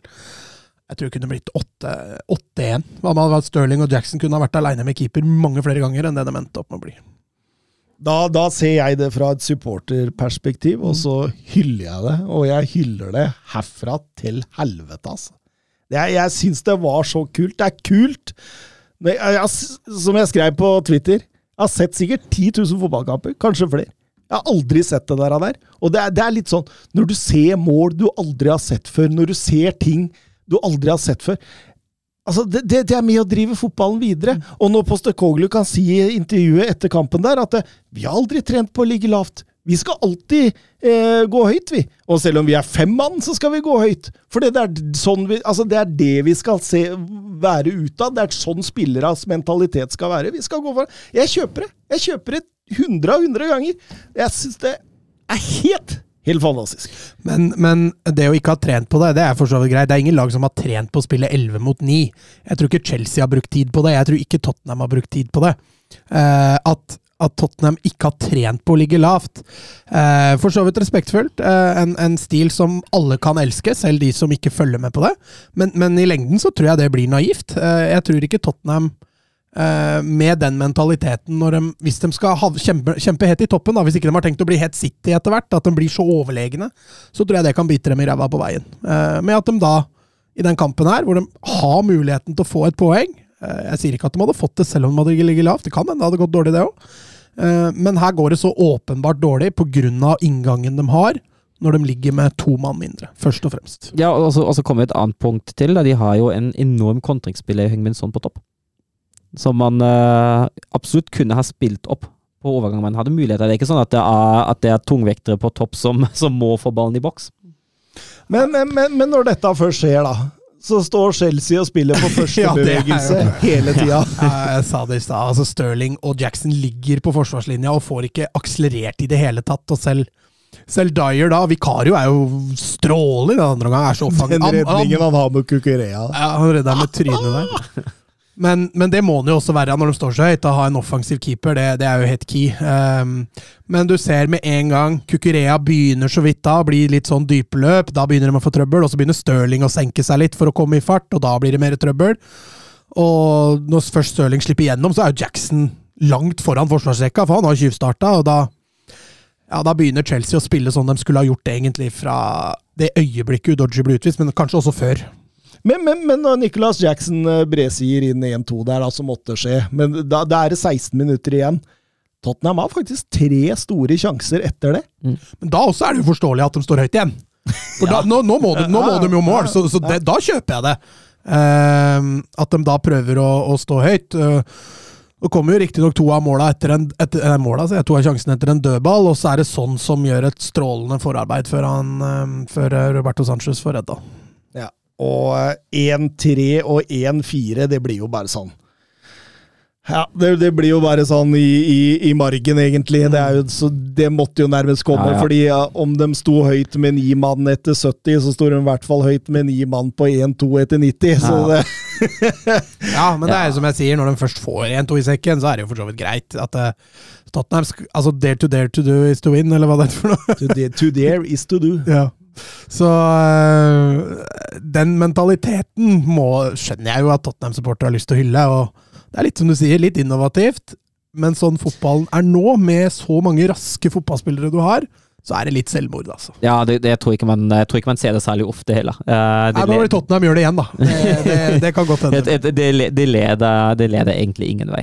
Og på 1-4, dommeren har blåst av kampen, så står så står nesten 70 000 Tottenham-supportere og synger 'When the Spurs go marching on' og hyller Postekoglu etter kampen. Det, det, det, det, det sier jo mye om dette her, da. Ja, og det, er jo vel fortjent, fordi, altså, og det, det, det syns jeg er altså viktig. At ja, man taper en fotballkamp, men man, man hyller på en måte det som har skjedd, og den utvikling som har funnet sted, og det laget som presterer, og, og alt det der. Jeg syns det er det, altså, det er veldig fint å være kritisk i dårlige perioder, det er jeg sjøl òg. Men jeg syns også det er veldig viktig å, å vise at man har ryggen til laget. Eh, og det handler ikke om at man skal vinne alle kamper, men det handler om at man hyller, hyller mentaliteten, innsatsen, spiller generelt, perioden som har vært, og fortsatt er, for all del. Uh, jeg syns det er veldig viktig å, uh, å respektere det, det man har sett, da.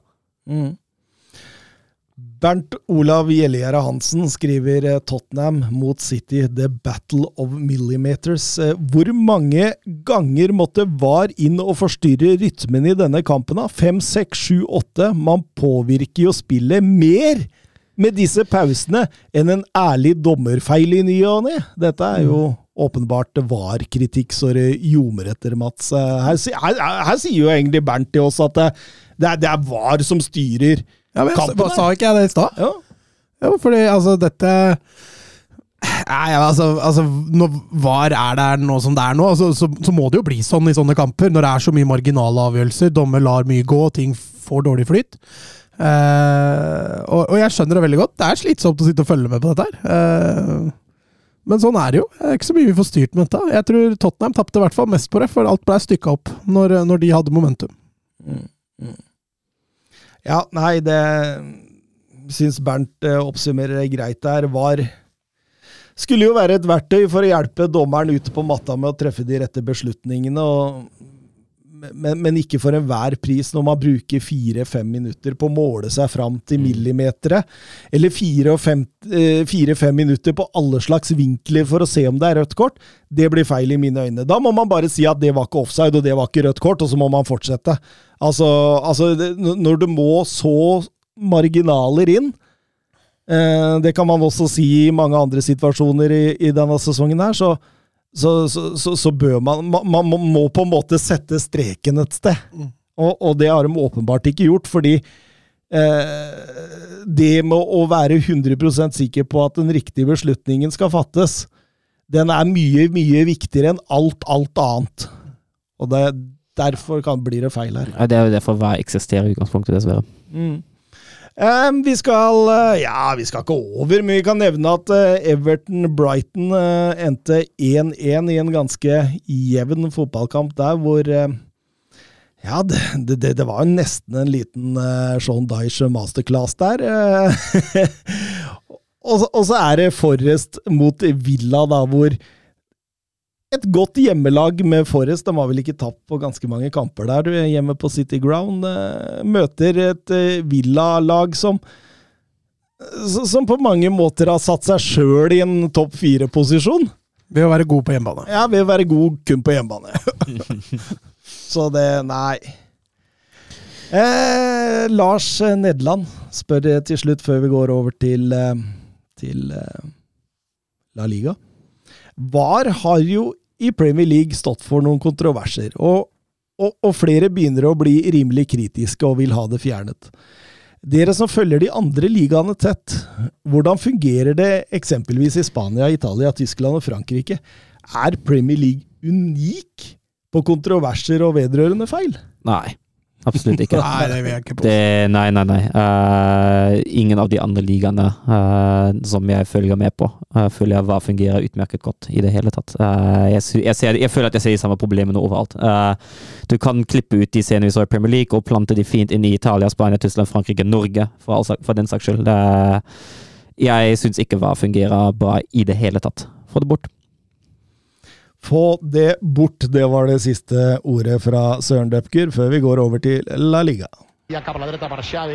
Assistència de Xavi més que Praeta per Messi, Messi, Messi, Messi, Messi, Messi, Messi, Messi, immens Messi, encara Messi, encara Messi, encara Messi, encara Messi, encara Messi, encara Messi, encara Messi, encara Messi, encara Messi, encara Messi, encara Messi, encara Messi, gol, gol, gol, gol, gol, gol, gol, gol, gol, gol, gol, gol, gol, gol, gol, gol, gol, gol, gol,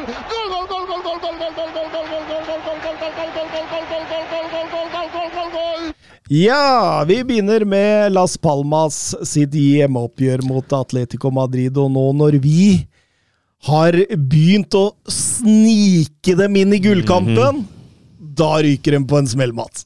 Ja, Nå er de jo ikke helt ute ennå, da, eh, vil jeg påstå, i og med at laget som leder der, eh, er vel ikke laget som ender der til slutt. Men eh, dette var et eh, lite steg tilbake for Atletico. Eh, Las Palmas går fryktløst til verks der. Atletico starter de første fem minutta, så, så ser det lovende ut. Eh, de er trygge med ballen. De, de klarer å heve spillet.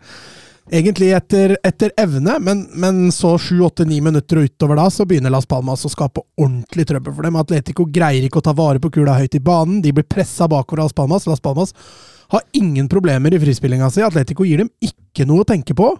Uh, og, og Atletico ser nesten litt ut som et gufs fra det vi har snakka om i fjor, og når de var litt svake. og det den uh, første gangen der, den tror jeg de skal glemme kjappest mulig, for det var, det var dårlig.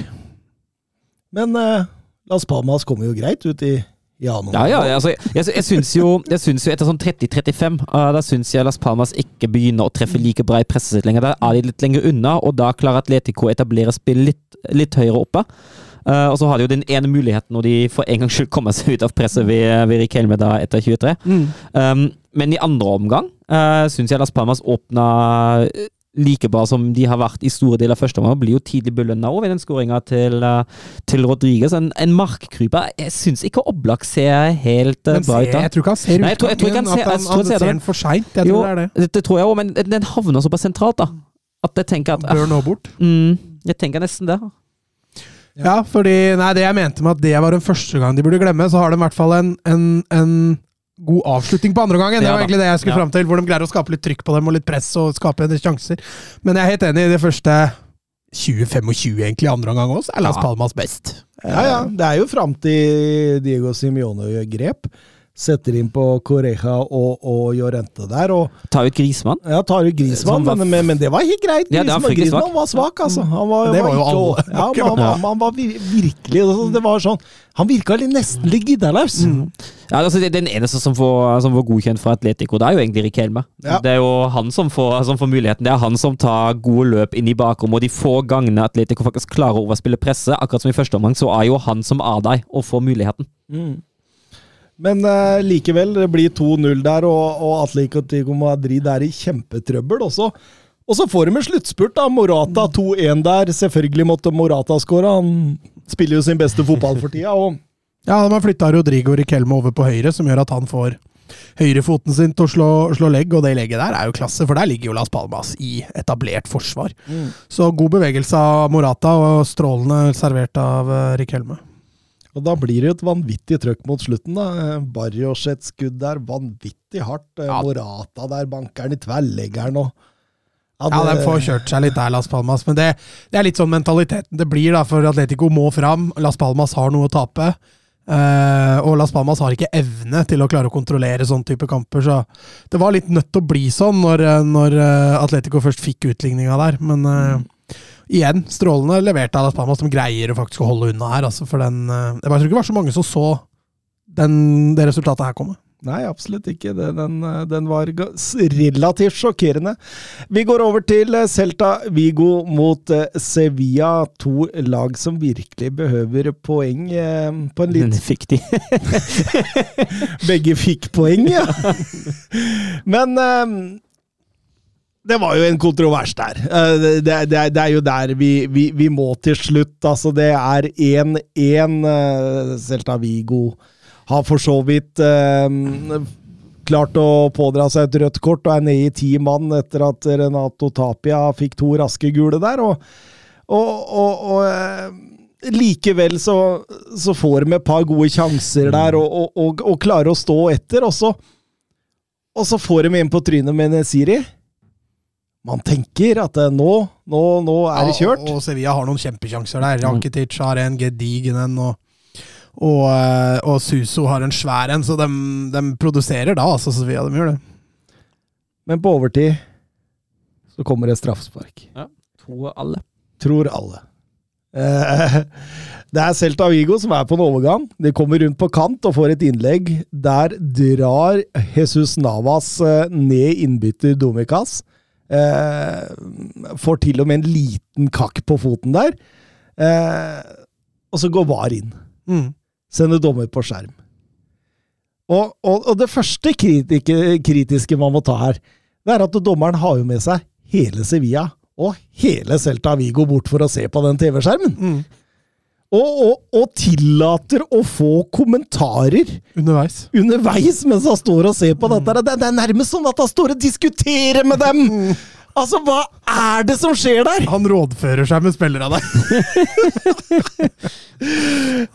ja, og apropos om VAR fungerer bra i Spania, så var egentlig det det jeg regna med vi skulle dit. Så, så nei, VAR fungerer ikke. Fungerer ikke veldig mye bra i Spania. Eller, For det første, hva gjør VAR inne der? Han drar den ned. Ja, han får en der. Eh, dette, dette er en sånn typisk avgjørelse som skal være sånn dommeren bestemmer, Ja. VAR skal følge den. 50-50, 40, 60, 60, 40, whatever. Og det er jo et av de mange kritikkpunktene mot VAR, at VAR går der inn i en situasjon som de mener er 40 og velger heller å lande på den som er 60% som er riktigere i noe som er en gråsoneavgjørelse. For det finnes det mange av i fotballen. Det er mange gråsoner i fotballen. Og den her tenker jeg også La han stå for guds skyld. altså Den kan man fint forsvare. Ja, ja, ja. Ja, ja, jeg er helt enig. Når VAR går inn der, så skjønner jeg ingenting. Nei, ikke helt. Altså, Hva i alle dager skal de inn der og gjøre nå? Altså, Han blir åpenbart dratt i armen. Han får som du sier, han får en kakk på hælen som gjør at han faller. Men, men altså, ja, det er kanskje en litt billig straffe, men hva i alle dager skal VAR inn der? Altså, jeg har sett hva, jeg har sett hva gå inn i situasjoner. Også i Spania, ikke bare i Premier League eller andre steder, men også i Spania. sett hva gå inn i situasjoner som var mindre straffe enn det deg, som dommeren har latt gå, og da var har gått inn og dømt straffe i etterkant. Ja, veldig merkelig, veldig merkelig situasjon. Eh, 1-1 er allikevel et greit resultat. Begge lag fikk poeng. Ja, ingen av lagene fortjente Nei da. Eh, Strand Larsen hadde en bra match, syns jeg. Han mangler bare målet. Han kommer til mye sjanser i kampen her og bør skåre et mål. Eh, men Celta Vigo får, det blir jo en helt annen dynamikk i kampen når Tapia blir utvist, som du sier, og da, da begynner Sevilla virkelig å produsere sjanser. Så jeg tror, mener jo totalt sett 1-1 er riktig, men at Celta Vigo har all grunn til å føle seg snytt her, det er det ingen tvil om. André Solberg, Kim Jansen, flere som ønsker en, en kommentar på Aspas der, som river ned VAR-skjermen i, i, i frustrasjon, og, og det blir liksom spørsmål rundt uh, Tror vi ser flere spillere som gjør et opprør mot VAR? Nydelig. Nydelig å se.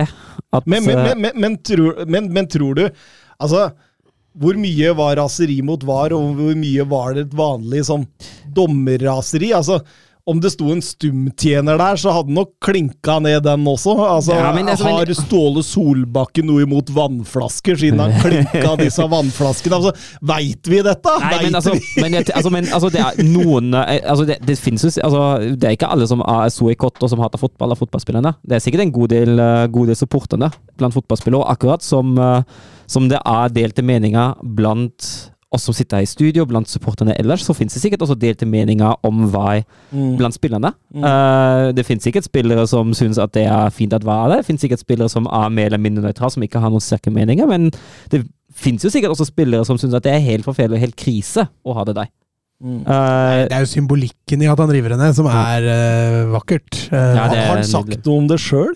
Nei, men jeg, jo, jeg tror ikke det hadde kommet noe straff på det nå heller, men det, det tror jeg han får. Ja. Eh, det der, altså Vi kan ikke tillate det, tror jeg. Det var veldig gøy. Ja, det var kjempegøy. Eh, det er jo ingen her som er noen sånn utprega VAR-entusiaster, selv om eh, selv om jeg tror sånn rent internasjonalt at, at det skal mer til for at VAR blir borte. Eh, så var det allikevel noe symbolsk over det der som var ganske vakkert. Da. Det har blitt mye var i denne episoden. jeg. ja, det er ikke så rart, det.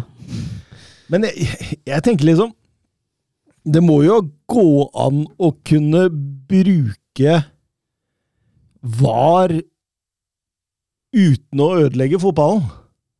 Nei, nei, enkelte kamper så tror jeg ikke det går. Ja, men liksom for, Sånn som Tottenham-Chelsea. Er et veldig godt eksempel. Jeg tror ikke du Ja, men kan der har du den der semiteknologiske gonla- nei, offsides-greia som fungerer ganske bra i Serie A. Som det tar 30 sekunder også. Altså Går det an å bruke den, og så si heller at VAR skal inn på helt matchavgjørende feil, liksom? på en måte, altså Sånn som, som påvirker resultatet? Jeg, jeg, jeg veit ikke, jeg bare tenker høyt nå, men altså det, det, det, det, er, så mye riktig i det de VAR-motstanderne også sier, da. Mm.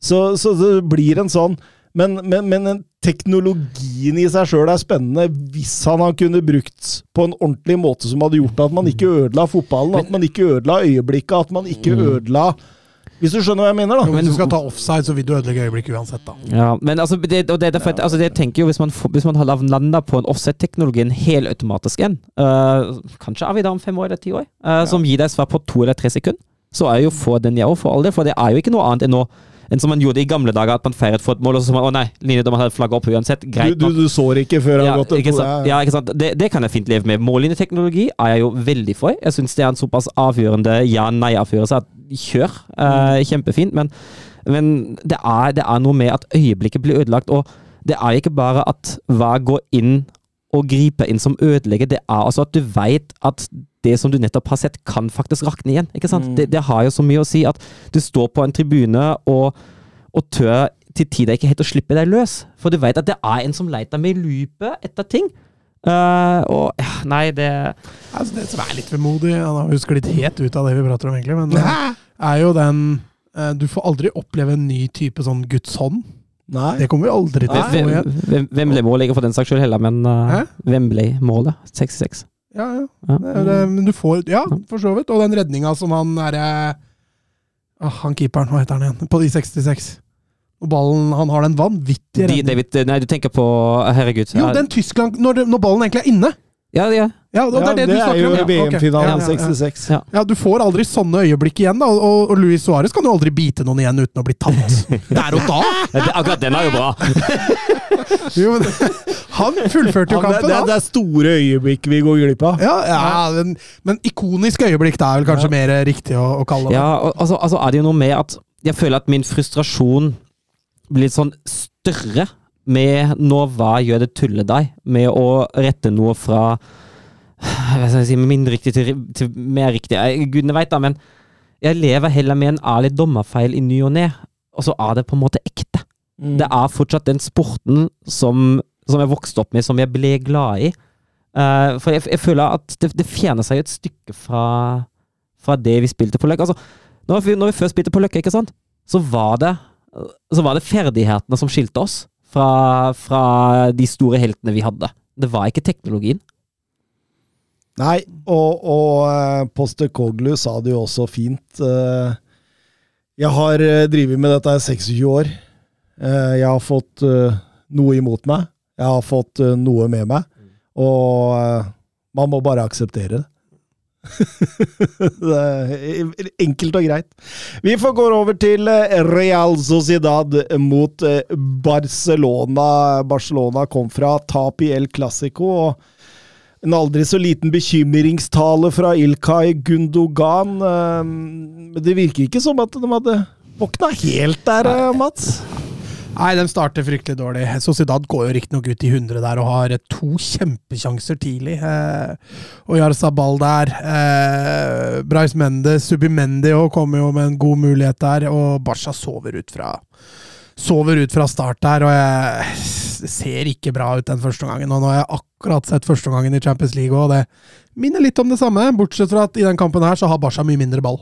Ja, for det er Champions League i dag, ja. jeg ikke, du bør ikke si det, jeg har bare sett første gang. Ja, men Jeg visste ikke at det var engang. Jeg Omtrent jeg har eh, hatt en full dag i dag, men eh, Nei, det er jo Real Sociedad som kjører dette. Det er jo Real Sociedad som stort sett eh, kommer med det som er av sjanser. Jeg syns det er flatt batteri av Barcelona offensivt, mm. spesielt eh, Altså, eh, jeg syns også de sliter med å kontrollere i possession nå, da. Eh, og, og det er veldig sjelden du ser et Barcelona-lag som gjør. Altså, man, man, man har veldig ofte sett at ok, de har hatt mye ball, de har trilla ball, men de har ikke kommet til noen sjanser. Men her klarer de ikke å trille et ball heller. Nei, og kommer ikke til noen sjanser heller. Nei. Nei, de er langt unna. Og det blir, selv om det blir litt bedre i andre omgang, så, er- så er den første gang ganske grusom. Det er, noe, det er noe av det verste de har levert i år, selv om motstanderen er ok. Så Altså Lewandowski fortsatt fryktelig rusten, altså. Han, han kunne du nesten bytta ut etter 20 minutter, tror jeg. Eh, Ja, Jørn Henland spør om han er ferdig på toppnivå. Var ikke det litt tidlig av Jørn? Var, var, han ikke, var han ikke også skada før den kampen, nei? Jo, han kom jo inn mot Real Madrid, Mm. og det var første kampen etter en liten skadeperiode. Så han, han er nok litt rusten, men jeg, jeg har meldt det flere ganger i år allerede, at jeg han er godt på vei ned. Han er Ja. et stykke unna der han var nå. Så jeg første gang mot Sjaktar nå i stad òg. Han, er- han er ikke i nærheten. Eh, Så selv når han kommer i har han klippekortet, eller? Ja, ja, det har han jo. Ja. Garantert. Han tror jeg starter ganske fast utover sesongen også. De har ingen fullverdige erstatter heller. Ja, Altså, men jeg syns de har vært egentlig mer spennende med Ferran det, ja, Torres. jeg er for så vidt enig. Ja. Ja. Men uh, den store investisjonen som de har gjort i Lewandowski, vet du Nei, han, han tror jeg ikke de tør å røre på, i hvert fall ikke ennå. Uh, men det er klart, går han mange kamper uten å score og uten å produsere, så, så kan det hende de tør å begynne å gjøre noe. Men akkurat nå så tror jeg bare må få han i form, og så må man eventuelt ta en avgjørelse på det. Men han blir jo bytta ut etter 56 eller noe sånt, så han, han er ikke helt i form ennå, det er ganske åpenbart. Ja. Eh, litt mer stillingskrig ut fra pause. Jeg syns eh, Sociedad er flinke til å skape rom og sette opp Reis Menders i mellomrom, og deretter bruker Oyasabal eller Kubo ut ganske raskt. og De er fortsatt det farligste, men, men, eh, men, men, men samtidig, jeg syns de er i hvert fall mer inne på noe i annen omgang, da, Barcelona. Ja, de får lov å kontrollere ball litt mer, og så greier de litt oftere å få satt opp spillere rettvendt mot forsvaret til Sociedad. Og da, da skaper det plutselig mye mer trøbbel for Sociedad, da, for da må de begynne å ta litt tunge valg bak der. Eh, Gavi får plutselig flere muligheter, Pedri kommer jo inn der, og, og, begynner, og han ser jo, han begynner jo ikke dominere, det er kanskje å ta i, men han begynner å diktere i hvert fall litt med en gang. da. Eh, så det, det er helt klart bedring i andre omgang. Eh, og så når, hvis vi hopper helt til slutten her, altså den assisten til Gundogan, det er tatt rett ut fra Guardiola. Den har han tatt med seg fra City, for å si det sånn. Araujo header inn eh, 0-1 eh, der eh, Dupker eh, umiddelbart annullert for offside, men var redderen fort inn! Vi er ikke ferdig med VAR, men der, der traff de, da. Der traff dem. Der traff dem. Det gjorde de. Men eh, fin scoring. Uh, sterk, som du sier, Mattes, sist av Gundogan. Sterk, sterkt løp av Farrojo, for all del.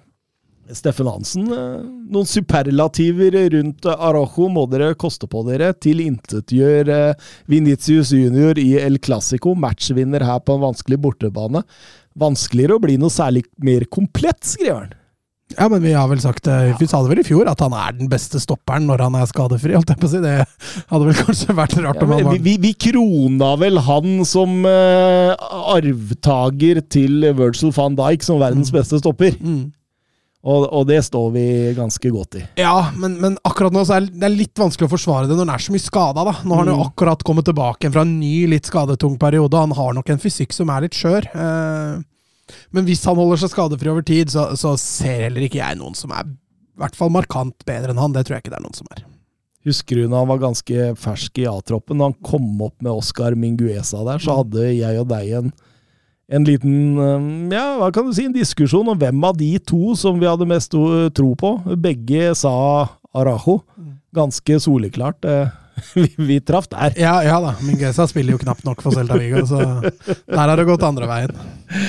Real Madrid, Rayo Vallecano. Det åpner med en enorm eh, Valverde-sjanse der. Eh, men ellers så bærer omgangen preg av lavt tempo, Søren. Ja, jeg syns det. Uh, Rayo tar jo ingen risiko whatsoever. Uh, det er lite som skjer offensivt fra dem. Det er jo uh, en klar plan der. Det, er å, å stå trygt og prøve å forsvare seg mot Real og ta ta en overgang i ny og ne når muligheten uh, byr seg. Den muligheten bød seg veldig sjeldent, så da blir det veldig lite av det. Um, jeg syns Real også sliter, du sier det. Det er, det er lavt tempo. Uh, de klarer ikke å bryte ned. Uh, det som de har i resten av første omgang, den store valversjansen som kommer jo etter en uh, svak frispilling og ballmiss og uh, alt det der, det er jo en del langskudd, og så er det innimellom at man finner på noe på kant og treffer. Uh, det er vel Joselo som har en stor enhet at Venicius uh, vinner en én mot én og legger den tilbake, men utover det så er det ganske harmløst og ganske lite som skjer. Ja, eh, Bellingham har en rett før der hvor han ser ut som Zidane. Altså det drar av Ja. et par eh, utover der før han eh, banker den tilbake. Et strålende utført, men eh, samtidig, den, den vokser jo litt utover i kampen der, Real Madrid, eh, uten at de liksom på en måte bergtar meg på noe som helst måte også. Og så åpner man også med en, eh, med, med, med en stor Venitius-sjanse i annen omgang. og men, men, men det er litt sånn rykk og napp. Mm. Jeg syns også Ratiø, som kommer inn på høyrebekken til Rayo der, han viser jo toppfart. og Når du ser det utover i andre omgang, så tenker du ok, det var derfor han ble kasta inn i den matchen. For han matcher jo Venitius på fart.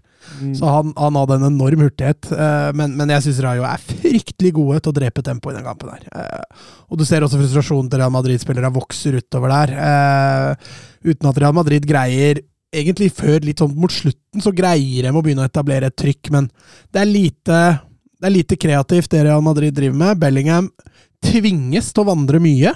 Kroos kommer inn der for å prøve å styre det fra midten, men, men ender opp med egentlig bare å slå dytte til sida. Uh, og eh, Nei, det var en, en overraskende svak forestilling av, av Real Madrid. Ganske frustrerte til slutt der. Ja, de ble jo det, fordi de terga dem jo. Han Dimitrevskij han var jo fanden sjøl bak der, som, som, som fremprovoserte den ene reaksjonen etter den andre. Og vi snakka vel om det også i forrige episode, i forhold til Venitius, som han Ja, ja, ja Fredrik Stjerna spør jo her. Vinicius junior sliter voldsomt med disiplinen når det går litt imot. Hvorfor utnytter ikke flere motstandere dette? For det, dette er jo en kamp man ser egentlig det beste og det verste av Vinicius eh, i eh, Altså, det fra klaging og filming og hevnaksjoner til det helt fantastiske med ball. Altså eh, men, men på det verste så er han så lett å vippe av pinnen. Mm. Ja, han må, han må jobbe litt med, med mindgame veker og sånn. Ja, fordi altså, altså Du kan forstå han hvis han får disse rasistiske tilropa fra tribunen, at det kan gå på han på mentalt. Det har man full forståelse for. Når, når det kommer spillere inn og albuer med vilje Vi har jo sett sånne ting. Det har jeg forståelse for, men her er det litt mer, som Mats sier, en, en La Liga-debutant på høyre bekk som rett og slett gjør den frustrert, altså. Mm. Ja, og, og, og, jeg kan jo si til Fredrik Stjerna at det er mange lag som har prøvd å utnytte dette. De veit at Venitius har kort lunte og, og et par albuer i sida på han, så, så begynner, han, begynner sutringa tidlig og, og klaginga til dommeren og sånn òg. Og, og han har et problem litt samme som Romero, men han utagerer ikke så voldsomt fysisk, da, sånn som Romero gjør, men blir mer verbal, blir mer sutrete, blir mer, eh, blir mer ges- gestikulativ. Uh, så Nei, det er en svakhet, åpenbar svakhet han har. Girona vant 2-4 borte 4-2. mot, uh, mot Nei, de fortsetter å, å imponere. Herlig offensivt lag, det òg. Jeg skal ikke sammenligne dem helt med Tottenham, for det, blir, det er et stykke unna. Men uh, mentaliteten kan man delvis eh, sammenligne. Vebjørn Fredheim eh, sier her Girona er vel ikke noe seriøs tittelkandidat, men de har faktisk ti poeng ned til en Champions League-plass nå. Er det mulig, tror dere? Altså, den Tredjeplassen er jo, er jo fortsatt veldig opp for grabs, da. Men vi har jo sett Vi har sett egentlig år etter år. da. I fjor snakka vi om Betis, at nå var det dems tur. Men så rakna det Vi har snakka Sociedad sikkert tre år før de endelig klarte det i fjor. Rayo har vært der. Rayo er jo Ja, ikke minst. Osasuna snakka vi faktisk om en periode her også, som kunne vært der. Så jeg har veldig liten tro på at de kan klare det. Men jeg overlater allikevel noen få prosent, for den fjerdeplassen, den Jeg ser ingen sånn Det laget kommer til å klare det. Så, så de har en bitte liten sjanse på den fjerdeplassen. Noe seriegull, det tror jeg vi bare kan feie. Da skal jeg eh, sykle til uh, Li. Eh, Benjamin uh, Altså, Girona har jo en uh, en som har eh, ti målpoeng på tolv kamper på topp der. Eh, Dovbyk eh, Årets kjøp, spør han, i forhold til pris og Ja, han har i hvert fall, eh, i hvert fall kommet ut, eh, ut i 100 der. Han er jo eh, Igjen, da, litt i likhet med, med, med Girona som lag, så er det litt tidlig. eh, Men han ser fryktelig spennende ut. Jeg syns også Savinho Han har riktignok leid inn, da, men jeg syns også han har fremstått veldig bra offensivt der også. Har vært med på å skape mye. eh, Og, og en Yangel Herrera. Altså, det er flere her som står fram. Men eh, Dovbik, med tanke på, på pris, med tanke på det han har prestert så langt, så er han helt der oppe og lukter litt på årets kjøp, selv om det er en i Real Madrid som kanskje overgår den foreløpig. litt dyrere. Kom fra Dinipro 1C, og så har du hørt den der historien om, Ja. om den klubben? Som egentlig het Dinipro, men som blei slått konkurs og fikk ikke lov å hete det samme, så da blei det Dinipro 1.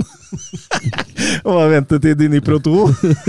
Du tror det går dårlig med det Dinipro 1 nå, ja? Ja, nå fikk de jo 7,75 millioner for eh, Dobrik, da, så det bør jo kanskje gi litt eh, penger i kassa. Da. Um, ja, Betis vant 2-0 over uh, Mallorca. Via Real. Ja, Sørloth, da. Det bør jo nevnes. Sørloth han er nå tidenes mestskårende nordmann i La Liga. Hey! Etter eh, Riktignok Villarreal tapte, så han feira vel ikke sånn voldsomt, kanskje, men eh, Han eh, sto jo likt med Jon Carew på 20 før, før serierunden nå. Da er han aleine på, på topp med, med 21 skåringer i La Liga. Er fortjent. Ja, fortjent. Veldig fortjent. Bundesliga. Er macht ein richtig gutes Spiel. Jan Schimonek. Die Wolfsburger lassen so gut wie nichts zu. Grafit. Grafit gegen Lell. Jetzt wird's eine Demütigung. Guckt euch das an. Bist du verrückt? Bist du verrückt? Tor des Jahres. Die Bayern der Lächerlichkeit preisgegeben. Yeah! Yeah! Du starta ny episode, du! Ja vel, og velkommen til episode Du kan si jeg var ikke helt klar for at, altså, Men det gikk den ikke. Den gikk veldig fort. Det gikk veldig fort. Ja, den gjorde det. Men vi var jo inne, vi begynte jo å snakke om VAR igjen mens den ble spilt, så da Nei, det, det, det Håper, eh, håper eh, lyttere har klart å leve med det. Vi skal eh, Mainz Leipzig 2-0, Søren. Ja, det, Mainz har jo hatt et trenerbytte. Eh, Bo Svensson det, det, var, det gikk jo skeis i cupen òg. De tapte jo 3-0 bort mot Hertha. Eh, andre Bundesliga-lag. Uh, og da sa Bo Svensson at nå, nå, nå er jeg ikke laget lenger. Nå er det ikke vits at jeg fortsetter. Og, og trakk seg. Hadde et veldig emosjonelt uh, videobudskap da han, da han sa ha det. Um, kan vel si at klubben og treneren skilles på på, på um, et godt forhold. Eller Mm. med et godt forhold, da. Um, Mainz poster jo også etter seieren i sosiale medier at denne var for deg, Bo. Um, Ja. Jan Sivert har overtatt. Det er jo en, uh, det er jo en uh, ja, Vi får se om det blir en vikarløsning eller ikke. Mainz har ikke sagt så mye om det. Det blir, uh, blir etterfølger nå. um, Christian Heidel, han som er sportssjefen i Mainz, han har sagt før at han, Jan at han kommer til å havne i Bundesliga på et tidspunkt. Uh, og møter da et Leipzig som også kommer fra cuptap i Wolfsburg, og var rimelig tam med deg. Skaper veldig lite mot et uh, godt forsvarende Wolfsburg-lag. Og det fortsetter jo de samme banene her. Uh, Mainz dukker opp i en, en 3-4-3 som vi kjenner veldig godt fra Svensson, men begge de to, de to kantspillerne, Lie og Richter, de går jo inn sentralt og gjør det sentrumet da pottetett. Ja, Eh, så, så, så stuper de ikke opp i press nei, nei, lenger. nei Altså, de gjør ikke det. De, de holdt seg veldig tilbake. Men det er liksom den balansen der som Mainz har slitt veldig lenge med. da. Mm. At de har sett OK ut mot de gode lagene, mot, uh, mot Leverkosen og Bayern, selv om de tapte de. Um, men de ble ikke rundspill, for de klarte å, å ligge godt i ramma. Men de har slitt med den balansen mellom å treffe på press og holde igjen og, og alt det der, mot lager som de kanskje bør vinne mot. Det er, da, det er det som kanskje har vært det største problemet til Mainz nå. Ja, men det, det, det som var kult å se, da, det var hvordan han plutselig Altså, det var åpenbart at han ville ut i annen omgang og sjokkere Mm. Ja. eh, RB Leipzig. Ja. Og det blir, jo, det blir jo mer offensivt og mer aggressivt. Og altså aggressiviteten, Du har aggressivitet i lavt press fra Mainz for all del, um, men man, man setter noen nålestikk. Man går, man går til tider litt høyere nå etterpå, så man tar kontringen litt med helhjertet. da. Man flytter spiller, flere spillere fram, og det gir jo uttelling òg etter hvert. Nå Li stanger inn 1-0 etter 76. Det jeg ikke helt skjønner her, det er jo byttene til Eller det ene byttet i hvert fall til, eh, til godeste Marco Rose. Nå Leipzig sliter så fælt som de gjør, da, mot et dyptliggende forsvar. Jeg skjønner veldig godt hvorfor han bytta inn Sesko mot Openda, for Openda fikk ingen rom å løpe på. Og jeg skjønner at han vil ha litt mer fysikk inn i boksen, men så tar han ut Baumgartner og bytter inn Werner. Den, eh, da, da henger ikke jeg helt med. Altså, jeg er enig i at Baumgartner ikke hadde en god kamp, men da ble alt det kreative ansvaret lagt på Xavi. Uh, og Xavi klarte Mainz ofte å doble, til og med, og holde det i sjakk. Ja, de, de, de alltid rett Så du hvor flinke de var til å rettlede den ut Ja. av de eh, Mm, korridorene ja. han ønsker å angripe? Ja, og det, det eneste som, Mainz, eh, som Leipzig hadde etter hvert, det var, jo, det var jo å slå en vending ut mot Raum og satse på at han treffer på innlegg, men det gjorde han jo sjelden. Eh, og, og det å ta ut av en kreativ spiller for å få inn en sånn bakromsløpende som kan true litt i boks, det- den, eh, den, den kjøper jeg ikke helt, da. Eh, og så ble det jo, jo 2-0 etter med Barreiro kort tid senere, og Mainz tar sin første seier for sesongen. Ekstremt viktig for hele klubben å, å vinne dem. Uh, Leipzig Det har vært tamt nå, så de siste to kampene, både mot Ja. Wolfsburg og, og mot Mainz nå. Merkelige greier at de plutselig skulle så så, så, så solide ut, egentlig. Ja, altså. jo, men eh, Rosa, Rosa er inne på det, og han, har jo, han sa jo at nei, men, vi, har, vi må regne med at det blir, at det blir litt varierende. Um, med tanke på den ombygningen vi hadde i sommer.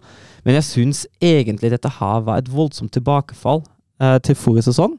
uh, da vi ofte har kritisert Leipzig for å ikke klare å bryte ned et etablert forsvar.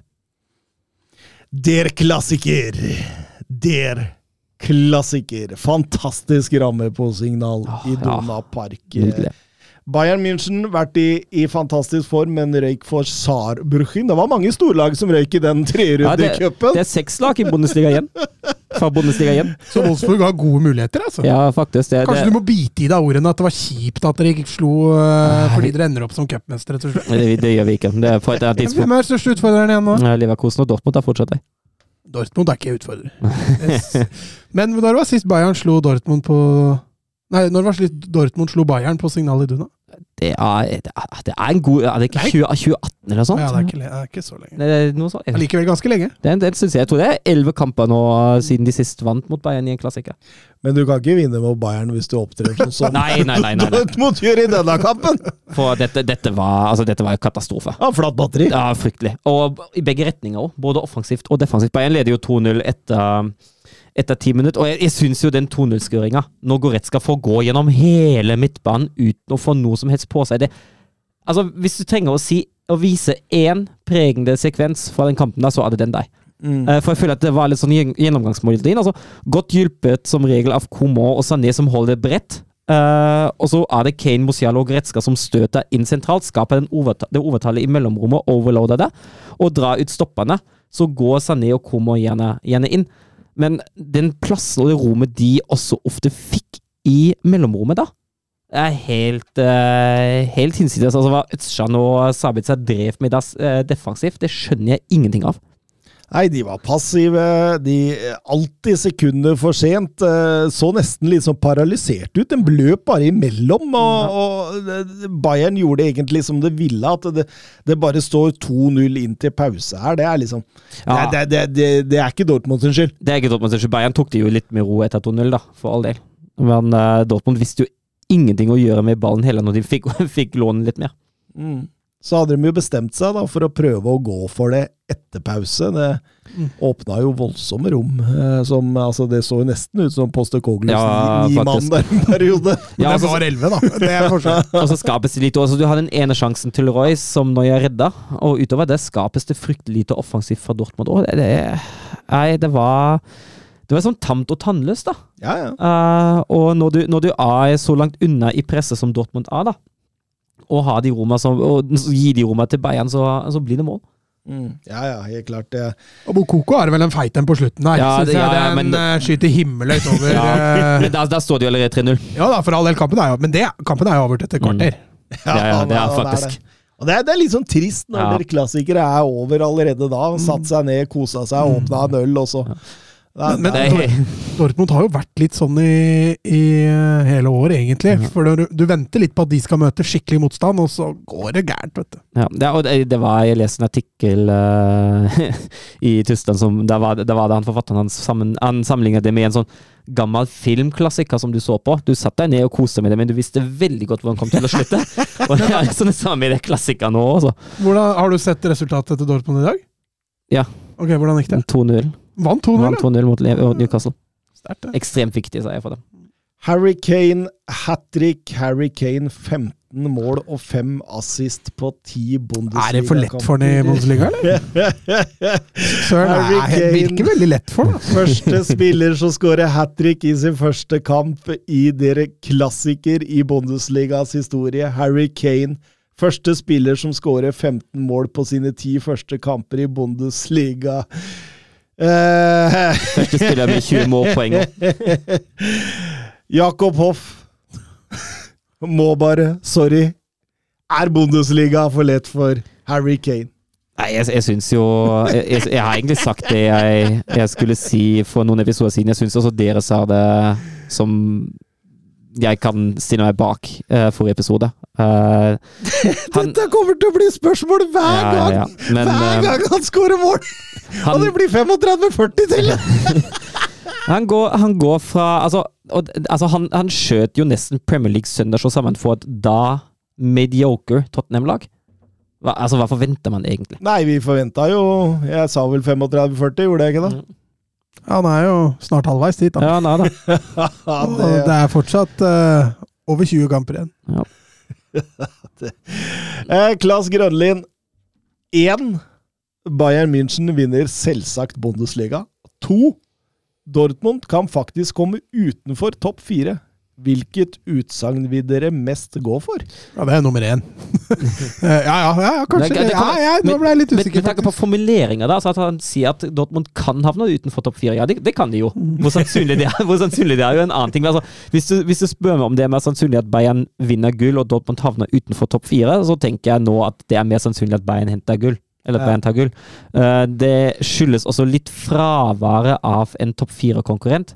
Eh, Frankfurt vokser seg litt inn i den rollen nå, at de, de begynner å se bedre og bedre ut. At de kanskje kan starte et angrep på topp fire, vi får se. Kanskje litt tidlig å si ennå.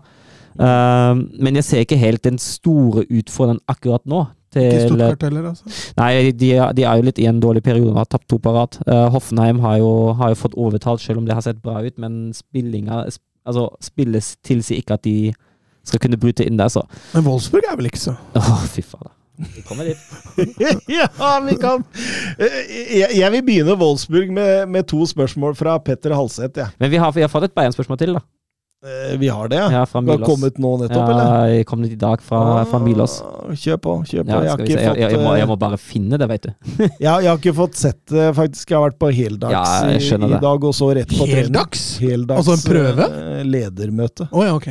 Og så eh, rett på fotballtrening eh, rett etterpå. Så jeg, jeg liksom eh, Altså, Twitter for meg, det har vært en saga blått i dag. Så da, Ja, men Nei, eh, Twitter fins jo ikke lenger. Så. det er godt søren her, her da. Milos må Milos ta to delspørsmål. Uh, en av Ala sønn forklarer at det faktisk var på tide at Tore sa ifra til låta Odidi. Og den, den, den er jo litt fin, da, fordi um, det er jo Det er jo Det er sirkulert et klipp i, på, på Twitter og i sosiale medier om Thomas Tuchel, hvor han har framstått før og etter kamp. Og det er jo en bakgrunn for det, og det er jo at Lothar Matheos og Didi Hamann, eh, to tidligere Bayern-spillere og nå eksperter i gåsetegn, Eksperter i gåsetegn, ja. eh, har jo gått ut etter cuptapet mot eh, Saarbrücken og har sagt at de ser ingen utvikling i Bayern, og Hamann har vel også gått ut og sagt ja, jeg ser jo at det er gnisninger mellom, mellom laget og treneren. Um, og vi har jo vært innom de figurene der før. Um, Matheos og, og Hamann. Altså, det kommer mye rart fra de kantene der. Det kommer mye synsing, det kommer mange påstander som jeg ikke helt ser at de har kilder for. Jeg syns ikke de er gode fotballeksperter. Um, Tysklands Carragher og Neville. ja, på en måte. Uh, jeg, jeg har Altså, det er, veldig, det er veldig mye populistisk da, som kommer fra begge to. Uh, De har en agenda, liksom. ja, virker nesten litt sånn. Mm. Altså Skape overskrifter og, og blest og alt det der. Jeg, jeg, jeg er ikke noe fan av noen av de. Eh, og Torhild har da først reagert på pressekonferansen før kampen med noe som faktisk var ganske vittig, da han sa at ja, det er fint at ikke de ser noen utvikling hos oss, jeg ser ikke noen utvikling hos dem heller. Det er nesten sånn femåring hadde sagt. Ja, hva med deg, ja? ja hva med deg? Men, eh, men så har han jo, så har han jo hatt en, så har han jo hatt en greie da, at han, han var jo pottesur både før kampen og etter kampen når han møtte på Matheos eh, og, og to til ved, eh, rett, ved, rett ved banen der. Eh, og på pressekonferansen. Han fyrte jo på alle plugger. Og jeg, jo, jeg, altså jeg kan jo skjønne det på en måte, da, men altså han viser seg jo ikke akkurat til å, til å ta dette her suverent. Og det, jeg føler at det er liksom den derre den der, altså han, han, han framstår som tynnhuda, og det er det som vi har sett i Thomas Tuchel før. da Ja, ja. som har, som har kosta ham litt sympatier og alt det der. Og jeg, jeg, skjønner, jeg, jeg skjønner frustrasjonen hans, og jeg skjønner veldig godt at han sier fra. Men uh, han drar det litt langt, da, syns jeg. Men altså, at, at Hamann og Matheus fortjener å få, få litt, litt motbør uh, på det de kommer med, det er ikke noe tvil om. Karneflerem. Uh, det andre som, som Villard spør, er Bayern må handle snart. Hvem kommer inn? Selv tror jeg en stopper, Beck og sekser. Tviler på at Freund henter, og at Salzburg slipper to stykk, men Dedic og Pavlovic hadde vært en drøm med Palinja. Mm. Eh, og jeg syns jo han, han, uh, han identifiserer svakhetene veldig bra, for det er jo det vi har snakket om. Ja. At det Ja. er defensivt det mangler. Det er da vi har en veldig tynn tropp. Uh, det, det er da jeg stopper seksa og Beck, som, som Bayern må hente. Hvem de nå henter inn på linja, er jo åpenbart ikke helt, helt uaktuell heller. Hørte seg iallfall sånn ut etter sommerovergangsvinduet, om, om Freund da går inn til eksklubben Salzburg og får forsyne seg der i vinter. Det er jeg litt mer tvilende til, akkurat som, eh, som Milo sier, da. Jeg har eh, sagt det før og kan si det igjen. eh, Følg Milos på Twitter. En, en dyktig kar med mye gode fotballkunnskaper. Eh, jeg, jeg skulle egentlig kjøre Wolfsburg nå, Søren, fordi Ja. jeg, jeg syns det er to eh, det, er, det er to spørsmål her. Mm. Spesielt det ene som jeg har gleda meg veldig til. og det er fra Petter Halseth. eh, Det handler jo ikke så mye om Wolfsburg i og for seg, selv om det på en måte du, du kjente litt på det i, helgen. Men hva, hva synes Søren om Viaplays Bundesliga-dekning etter at Haaland forlot ligaen og Viaplay tok over Premier League? Ja, vet det, det, er så fint, fordi før jeg i det hele tatt rakk å irritere meg over Niko Kovac hadde jeg en annen irritasjon, da. Um, bakgrunnen er at jeg skulle streame Streame, ikke se på linja TV. Uh, Wolfsburg-kampen på søndag. Mm. Det fikk jeg lov til. 15.38, åtte minutter inn i kampen på stilling 1 Werder Bremen. Fikk du lov til? Hvem er det som nekta deg det? Viaplay. Fordi det som så, så du ikke da, at han ikke hadde med det, de det, første? det, som, det, som ble vist, ja! det som blir vist på streamen, på streamen vel å merke, da. eh, fordi de har av en eller annen ufattelig måte ikke klart å koble fra streamen fra lineær TV-kanal. Så på streamen gikk det også, uh, gikk det også øverste nivå på damesiden i England. For den kampen var langt, langt på overtid. Og før den var ferdig, fikk jeg ikke lov å se Wolfsburg.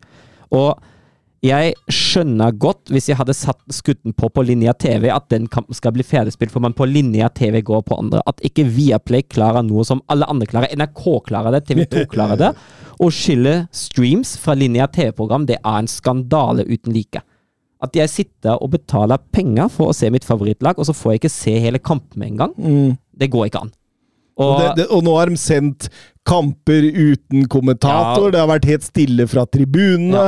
Eh, de var ute og sa at det blir ikke norske kommentatorer noe særlig lenger. Og, og det tror jeg bare er positivt, fordi de ja, Utenom et par-tre som er ganske bra der, men det, det, det er mye eh, Ja, De engelske kommentatorene er jo like bra. Ja, ja. Ja, ja, utenom Clay, da. men- Clay, men- Clay kan vi gjerne høre. på, Ja, på, Kjerne også hører jeg gjerne på. Ja, men han kommenterer jo ikke tysk lenger. Det, han dro med Haaland, han. ja, og det, det er Han liksom, var en del av pakka! Og det er liksom det, det, er liksom det som er problemet, at det føyer seg litt sånn inn i en nedprioritering av Bundesliga. Du har alle de stulinger, til, til og med før det er klassiker. sånn fem minutter før, så skulle de på, og så still, lag, står lagene i lagtunnel, og så kan du få med deg lagoppstilling hvis du er heldig, og så er det det. Eh, og det virker som en veldig distansert behandling av Bundesliga. Uh, man sender vel man sender heller femmann til England hver serierunde istedenfor å påkoste seg Ja. studio. Um, Altså, studio ble jo helt borte med Haaland. ja. ja. Eh, på én side Altså, den, den eneste, den eneste forsida som Eller den eneste framsida jeg ser med det, er jo at det der forbanna Haaland-fokuset til Viaplay også forsvant. For det, det var man lei av som, eh, som supporter til et annet lag etter hvert, da. Men den der behandlingen av Bundesliga-rettighetene hos Viaplay, det er så frustrerende. Og nå, nå det går så langt, om det nå er pga. behandling eller pga. elendig teknisk løsning eller hva det er, jeg bryr meg ikke, men at jeg ikke engang får sett hele kampen til mitt lag, da, blir- da blir jeg faktisk forbanna. Men når du fikk eh, sett hele, eller etter hvert Da ønsket jeg at jeg eh, hadde latt være. Um, Ja, ja, og, og han skriver her eh, en Wolfsburg-elver uten tyske spillere for første gang i historien. Ja. det, jeg jeg syns ikke det nødvendigvis er, er så problematisk. Uh, det, er, det er en liten, litt oppsiktsvekkende at kaptein Arnold nå bare satt på benken. Og Kovac rullerte kraftig i cup mot Leipzig. Asta Franks uh, spilte fremragende mot Leipzig på sekseren og fikk fornyet tillit. Vel fortjent etter den kampen han hadde, og da måtte Arnold på benken. og det har begynt å bli en greie, men jeg syns ikke Arnold har vært så bra den sesongen. at Nødvendigvis rettferdiggjør å skulle starte. Uh, selv om han er en klubblegende og jeg digger han, men jeg syns det er fint at han ikke har klippekort. Uh, så det er greit nok, det.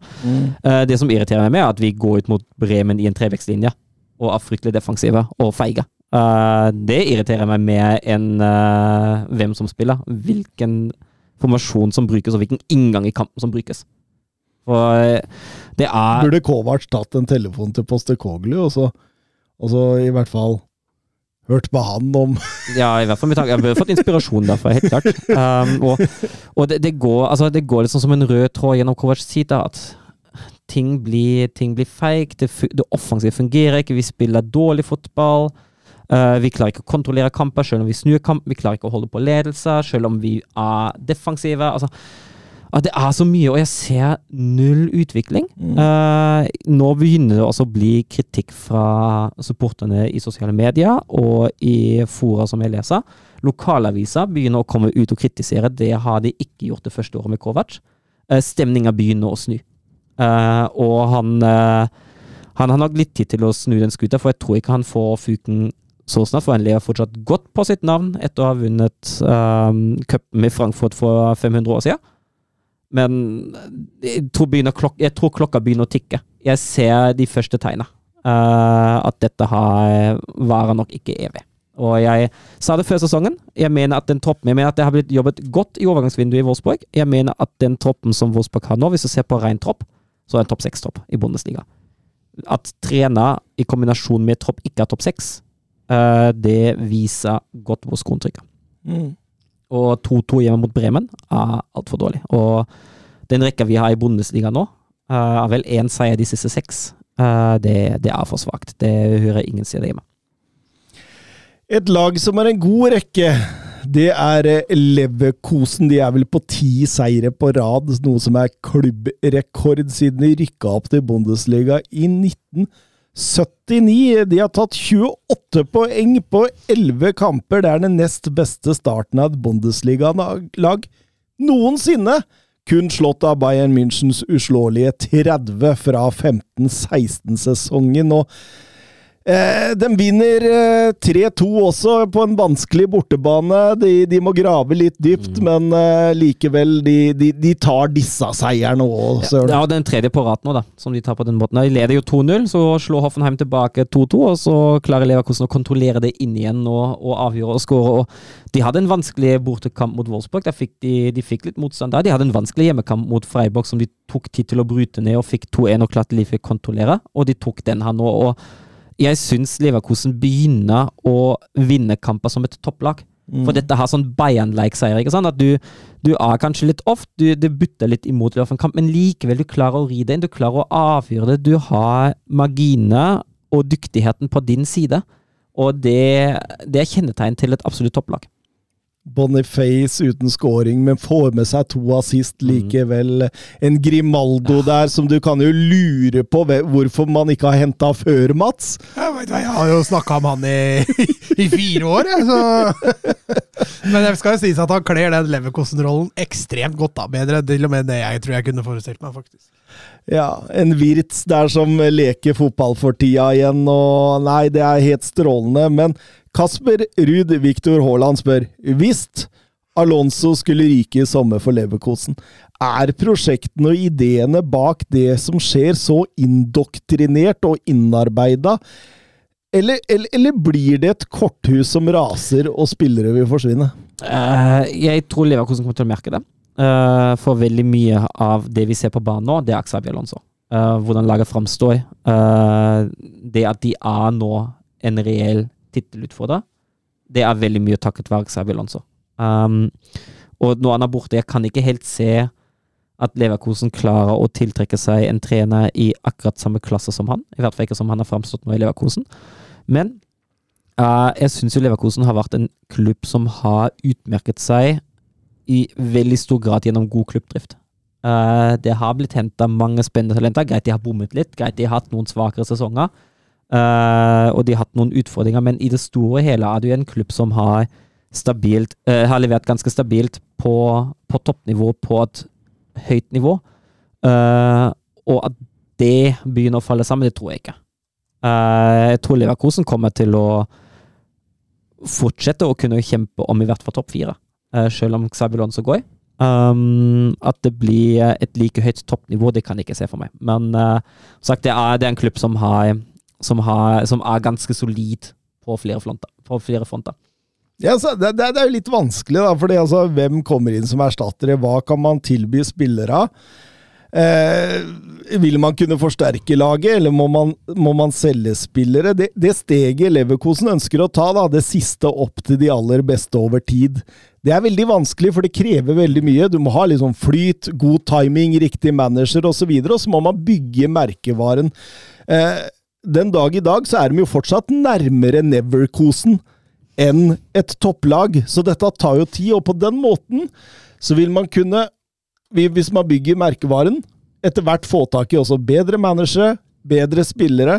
Eh, hvis merkevaren din da er altså vi er et topplag, vi kommer til å kjempe i toppen og vi kommer alltid til å ha ambisjoner, så, så er det veldig enkelt å si det. Alle kan gjøre det, men det er jo hvordan du handler så, så, som tilsier mye av det, hvor, hvor du vil ende der. da, og jeg for, for, for Leverkosen, da, så er de De, de er jo litt eh, bergtatt av alt som skjer rundt Xavi Alonso og hans ideer nå.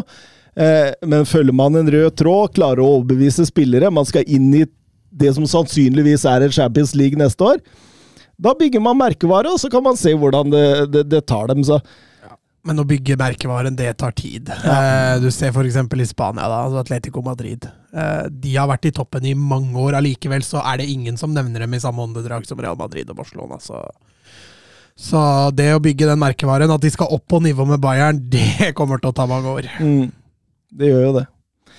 Eh, vi kan også nevne at nedturen fortsetter for Union Berlin. Tolv strake tap i alle turneringer på rad nå. De, det er, eller 13, jeg vet hva, Hvis overskinn kan også fort være 13. De røyk ut av cupen i midtuka, de òg. Så nei, det, det er synd. Og nå er det vel, eh, nå er det vel direkte nedrykk de ligger på. Det er kvalik. Nei, kvalik. Ja. Men uh, Nei, det, det bør snus ganske fort nå. Ja, vi snakka vel en del om dem i forrige episode, så eh, Nei, det er fryktelig tungt. Vi må snakke litt Serie A også. era il marcatore di Cannavaro. Palla tagliata, messa fuori, c'è Pirlo, Pirlo, Pirlo, ancora Pirlo di tacco, tiro,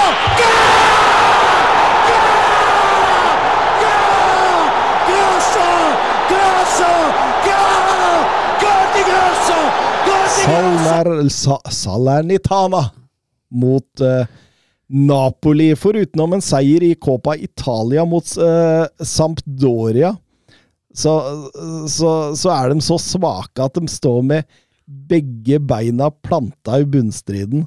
Eh, Pippo Insagi, tøff start. Eh, dette, dette, her skal gå hver dag i uka. Ja, og det gjorde det for Napoli òg. Og det Det er jo litt sånn da det er vanskelig å, å måle. Altså det, er en, det er en suveren seier som Napoli tar her.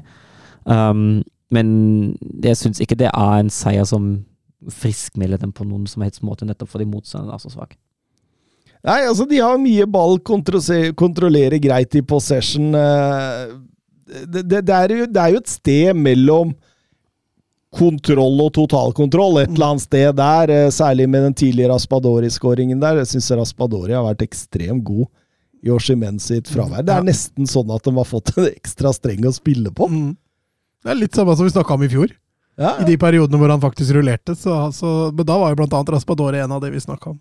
Ja, altså, nå, altså, jeg, jeg syns jo han bringer noe annet på bordet enn det Oshimen gjør, med å være litt mer Skal jeg kalle det litt mer tikki taka? Altså litt mer kombinasjonsspiller, litt mer tekniske ferdigheter, som gjør at, at, at Kvarasjkela får en annen type lekekompis. Og Nei, jeg, jeg syns det, det Raspadori Han er nære 2-0 der før pause også, så jeg syns han gjør en meget, meget god jobb. og Nei, det, det, det, det, er jo et Salernitana-lag her som er De er på gaffelen, altså. Ja, det er nesten ikke konkurransedyktig. Det, det, det, det, det er dem òg. Selv Bohinen Bohin blir bytta inn der. Botheim blir bytta inn etter hvert. Eh, Plutselig er det tre nordmenn på banen der, men eh, Elif Elmas setter 0-2 der eh, og punkterer kampen eh, åtte minutter før slutt. og ja, men det, men, men det er jo litt sånn, tenker jeg, med Rudi Garcia, at og det, det har alltid vært slik også. Gode lag. Eh, man skal slå. Der sliter man, stort sett. Nei, gode lagmann eh, Gode lagmann eh, Han er go, god mot gode lagmann. Pust nå, Christian Romero på sida. Koker i kål! Ta det med ro, og så prøver du igjen. Ja, ok. De er gode mot lag de skal slå. Ja. Eh, Det er stort sett lag til eh, Garcia. Og så sliter man mer mot de beste, og, og dette er et lag de skal slå, og det er ingen tvil om at eh, at det, det, det, det Du var jo ikke Man satt ikke litt ut på stolen her engang og så den kampen der, så det var, det var helt greit. Syns jeg ser en del spalettiprinsipper enda, Mm. så det, det, det er åpenbart. Det er bare et spørsmål om tid før de er borte. ja. eh, Atalanta Inter. Ja, Serieledere på besøk i Bergamo. Et Atalanta som ligger ja, de, de har god heng i kamp om topp fire der. Kun ett tap i alle turneringer siden midten av september, så Så langt den tøffeste kampen de, de har hatt. Ja, og altså jeg syns jo at Atalanta begynner å etter hvert jobbe seg inn til å styre litt spill. Uh, og er jo det laget som, som, har, som har banespillet mest, men de skaper jo ingenting ut av det. Det kommer veldig lite ut av det, og, og da er det Inter som skaper de største ja, det er sjansene. Inter som skaper, og da er det én en genial pasning av Chalanolo og én felling av Moso, uh, som egentlig sender kampen i riktig retning for Ja, det er bra Darmian å faktisk få strikke ut foten der. Ja. Altså. Han, har han har jo ikke sjanse til å nå igjen den ballen, egentlig. Så når han først får den forbi keeper der, så får han jo maks ut av situasjonen. Men, men, men selv om Atalanta styrer Det er noe solido over Inter. Ja, Altså. det er det. det, det, er, det så ekstremt godt organisert. Man er balansert, man er disiplinert. Du ser hvordan man hele tida hindrer tilførselen til Skamakka inn i boksen der, og man er flinke til å dra ut tempo på Coop Miners og, og, og, og eh, Luckman hele veien. Jeg syns Luckman var god, for all del, men, eh, men eh, de, de er flinke til å på en måte minimere truslene til motstandere. Og det, det, det, er veldig fri, sikkert jævlig irriterende å, å, å, å spille mot, eh, mot Inter, fordi de, de, de på en måte gjør deg dårlig. Mm. Uh, så det Nei, det Så er Martinez god for tida. da. Han er en strålende sesong. Han eh, er det, setter 0-2 der før Skamakka får et uh, reduseringsmål, og da, da kommer det jo en sluttspurt der. Ja, og så har de jo Jan Sommer i mål, da. Som eh, Ja, han holdt på å forære dem der. Ja, han holdt på det, men eh, så, så tar han seg inn igjen og har en god redning på slutten der. Um, så eh, Så dør det vel litt ut der. ja, Dumfries har jo muligheten til å avgjøre, så når, senest når Tolloy er utvist Ja. uh, på overtid, så er jo kampen over. Men, men Inter ser sterke ut. Dette, dette er deres år igjen, eller? ser sånn ut nå at, eh, at uh, de man også har overført det til serien. Så får vi se. Det var jo, de hadde jo veldig opp- og ned-sesong i fjor, da, hvor de plutselig hadde veldig høye topper og tenkte ja, kanskje de Og så fikk de noen daler. Så vi får se når det begynner å dra seg til. og De skal vel også etter hvert inn i et sluttspill i Champions League, så får vi se åssen det slår ut. Gode mot uh, lag på nedre halvdel, og solide mot lag på øvre halvdel. Det er litt sånn soleklart det laget med best consistency i, i, i Serie A der. Og eh, nei, når du ser hva Milan gjør mot Odinese, så Men er, Milan er inne i en fæl rekke. Ja, Det, det har kun vært én seier i hele oktober i alle turneringer, og det var en marginal seier mot Genoa som kunne bikka alle veier. eh. Ja, altså, altså, altså flatt batteri òg, ikke sant? Altså, Odinese det, altså, Når vi snakker om at uh, Inter ser stabile og trygge ut mot Atalanta, så gjør jo Odinese det stort sett også mot Milan. Ja, de, de har et par-tre gode muligheter, men det er så lite kreativitet og så lite piff i det laget da, offensivt. da. Ja, ja, helt klart. Eh, Du, du møter et lag som ikke har én eneste seier. Og, og du, du sliter med å bryte dem ned. Du sliter med å skape noe som helst. Og, og, og eh, altså, det, Milan gir jo bort et bakrom der som altså, hvilket som helst lag som er litt bedre enn Odinese ville utnytta ganske fort. Ja, og Chelsea, da. Men, eh, men eh, det, det er eh, det er så flatt batteri, og det, man er så avhengig av Rafa Leao at det skal skje noe der, at det er nesten, det er nesten litt sånn trist å se på nå. Og Gustav Horndal han er jo litt inne på det. Er det på tide at Pioli pakker snippesken? Eller snippsekken? Hva er en snippsekk? Snippsekk? Jeg skjønner spørsmålet, men uten å skjønne hva en snippsekk er. Pakke snippsekken, er ikke det man sier da når man skal dra? Nei, Jeg, jeg har ikke hørt det før. Jeg pakker snipp, snippsekken og stikker. Ja, det er det. Er det. Ja. Men det står snippesken Ja, nei, det og veit jeg ikke hva er. Nei, Nei, det har ikke Men hva en snippeske er, det veit jeg ikke. snippeske eller snippsekk. Ja, men Uansett, da han- bør han gå, Ja, Hvis han skal pakke snippesken, så bør han jo først gå. men mener jeg. ikke sekken. Men hvis det er sekken, så kan han komme, for den er lettere å bære. vet. Det er jo en sekk.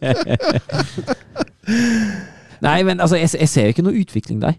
Og i hvert fall ikke i riktig retning, hvis, hvis det er snakk om en utvikling av negativ. Uh, så det er jo Det er jo kanskje på tide at man eh, begynner å tenke litt i nye baner. Derfor man sitter jo og lurer litt på hva Pioli egentlig har å tilføre med til det laget der.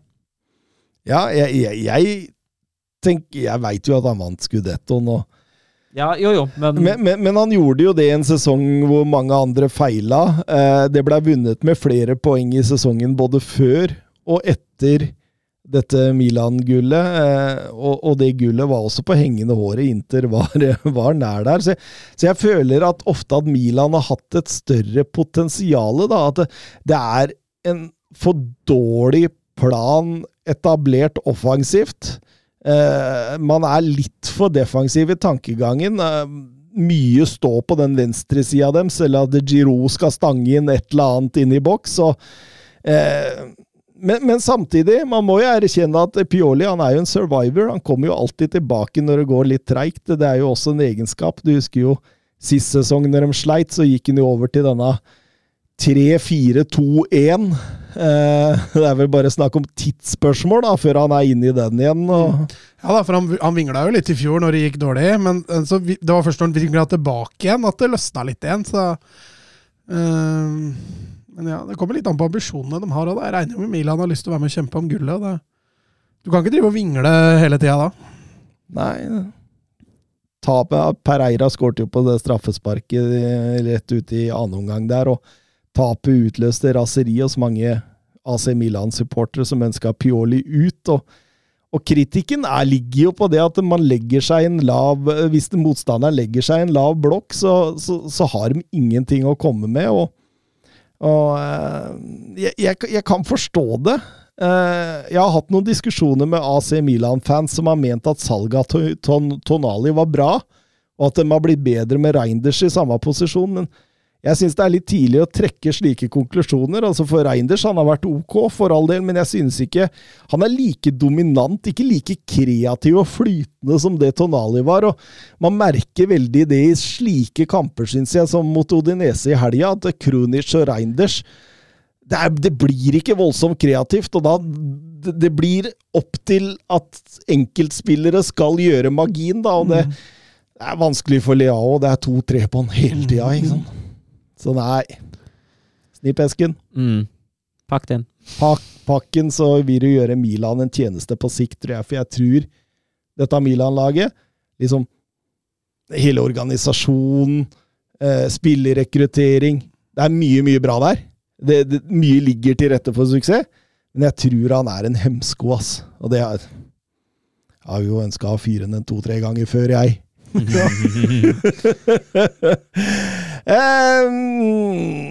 vi, må, vi, må, innom uh, Vi burde egentlig ha ikke gått innom den, for det, det, er kanskje en av de kjedeligste fotballkampene jeg har sett ever. fordi det Fiorentina og Juventus Jeg hadde forhåpninger! Ja, men, Starta jo bra. Ja, men, ja, det, men så kom, så kom 1-0-skåringa, og så kom Allegri masterclass, og så var kampen død. Ja. Det, det, er så enkelt som det. Ja, Vincenzo Italiano som prøver og prøver og prøver og prøver og prøver. Og prøver. Og en uh, Allegri som sier 'nei, vil ikke, vil ikke, vil ikke, vil ikke'. vil ikke. Altså, det, dette er Altså det er, det er, det er, Nei. Nå er vi tilbake da at de bare grinder ut 1-0. Ja, ja, ja. Og det er, det er, så fryktelig kjedelig å se på. Å, herregud. En god bekjent av meg, stor Juventus-fan, er ofte nedom en tre-fire ganger i året. Jeg spurte han i dag, satt og spiste en lunsj med han. Uh, er du fornøyd med Juventus? Å oh, ja, sa han. Å ja. Men, men, men, det er noe kjærlighet ved det. ikke sant? Det er noe det, det, Dette her er Dette er jo litt av Juventus, da. Det er det du får. Du får dette med Allegri. Og hvis resultatene kommer det, Vi må jo huske på historien her. Alle skandalene, alt som har skjedd den siste tida. Han får jo resultater.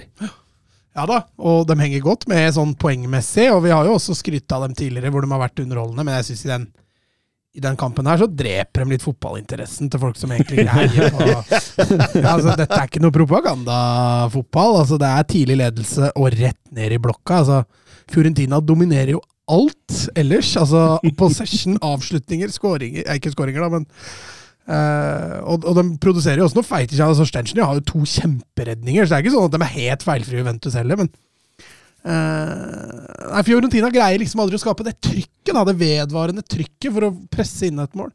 Gonzales òg er jo frisk uh, uten at det resulterer i noen noe skåringer for Fiorentina, så Artumelo er gøy å se på plutselig, som han har funnet litt tilbake igjen. Uh, men uh, nei, Juventus de, de, er leie når de først får det til på sin måte, altså. 25-4 i avslutninger.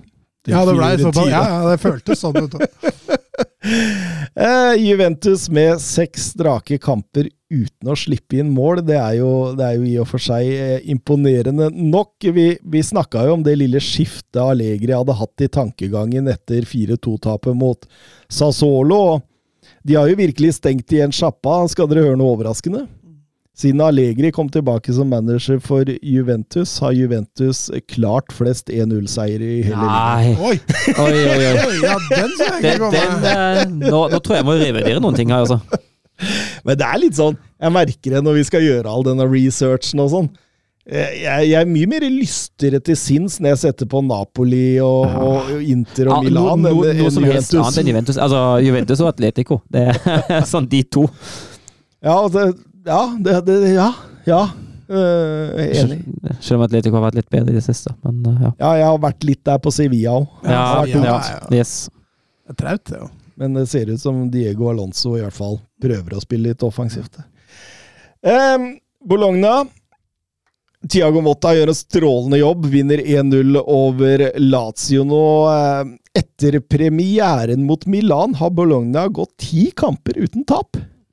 Eh, Riktignok eh, 4-6-0 og en målforskjell på 12-8, så det man, man, eh, man kjører Allegri i stylen her, men det, det er jo imponerende av et sånt fotballag, da. Ja, ja, og det er lettere å elske det fra et underdog enn det det er å elske det fra en favoritt, på en måte. Så man kan la seg blende av det òg. Jeg har tatt en ung wingback fra Roma, altså Calefiori, og en relativt ukjent stopper fra Nederland i, i Bukema, og bare stengt igjen sjappa, egentlig. Det er imponerende gjort. og Med bare én back og én stopper, så er det bra, da. Begge spiller høyrevekk. ja, og han begge på høyrebekken. Med en eh, forsvarslinje som starter på midtbanen, så er jo det bra. Og Roma vinner 2-1 over Lecce, men det, det kunne gått så mye verre. Det var to overtidsskåringer der. Ja, Lukaku bomma jo på straffe tidlig der, og de, de hadde jo noen brente, straff, brente sjanser der. og Mourinho igjen, altså. Han er blir ikke topp fire i år heller, vet du. Ja, men jeg tenkte mer på den straffa der, hvor han nesten jeg, Det virker nesten som han sutrer seg til å få den straffa, for jeg syns den er så Den er på grensa, altså. Ja. Han skyter den opp i hånda på den fra Ja. én meter der, og, og den er bare så vidt borti hånda. Jeg får jo ikke noe innvirkning egentlig på skuddet, men uh, Mourinho lager show ut av det, og så får de straffe. Bomma dem heldigvis. Lukaku har våkna, da. I, I nyere tid er det bare Gabriel Batistota som har åpna bedre i Roma hvis, når det kommer til mål. Ja. Mm. Nyere tid. Vi er fortsatt på det, ja. Ja, det er nyere tid. Da, da Jeg tror Oppda regner det som etter at de det Etter gikk fra krigen, to liksom? poeng per seier til tre poeng per seier. Okay, ok. Ja, det er Så, etter så krigen. litt etter krigen, da. Så nyere tid er 60-tallet? Ja, ok. ok. jeg tror ikke det var 60-tallet. Nei, det var nok, ble- eh, Battistuta? Nei, det var 70-tallet. Nei! Hva er det som på 70-tallet? Battigol? Nei, jeg husker jeg var Battigol jeg, da jeg spilte fotball som liten. Så Ja, du var det. jeg hadde leggskinna sånn Jeg rulla sokkene ned inni leggskinna, liksom. Åh. Det var Battigol. Deilig! Vi går over til liga. Sur la frappe de Messi de, de Mercado, Mercado, et, et là aussi on a un petit peu de réussite. Griezmann sur l'appui, c'était bien joué avec Giroud. Oh, Sylvain Oh, Sylvain, il l'a vu Oui. Kylian Mbappé Kylian Mbappé, il l'a vu Ça fait 4 Et ça fait peut-être un quart de finale pour l'équipe de France. 68e minute Oh, la joie collective parce qu'ils ont tous jailli du banc pour aller saluer cette passe décisive géniale de Giroud et ce doublé pour Kylian Mbappé Ja, eh, PSG tok imot Montpellier. Eh, Det begynner å bli seint Ja.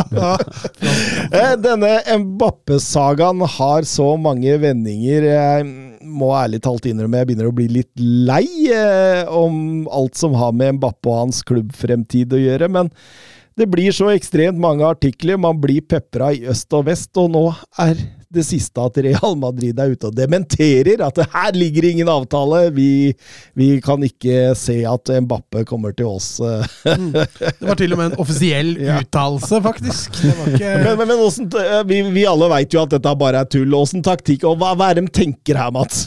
Nei, jeg tror det er bare for å dempe trykket. Ja. Tror du ikke det? Ja, jo, jeg også, han, han kommer jo. Jeg også sitter med følelsen at han er i Real Madrid i 2024, men eh, det kan jo være en finte, bare for å få, få Ja, hva skal vi si? Få dempa litt de der eh, voldsomme interessen som er rundt det. Mm. Men, eh, men, men kampen i seg sjøl jeg, jeg vil skryte til Luis Henrique her. For han har fått til noe nå som det er lenge siden vi har sett i PSG, syns jeg. Eh, ok, de har gått på noen smeller, det, det, det, gjør de selvfølgelig, men, men Henrique skal ha én ting nå.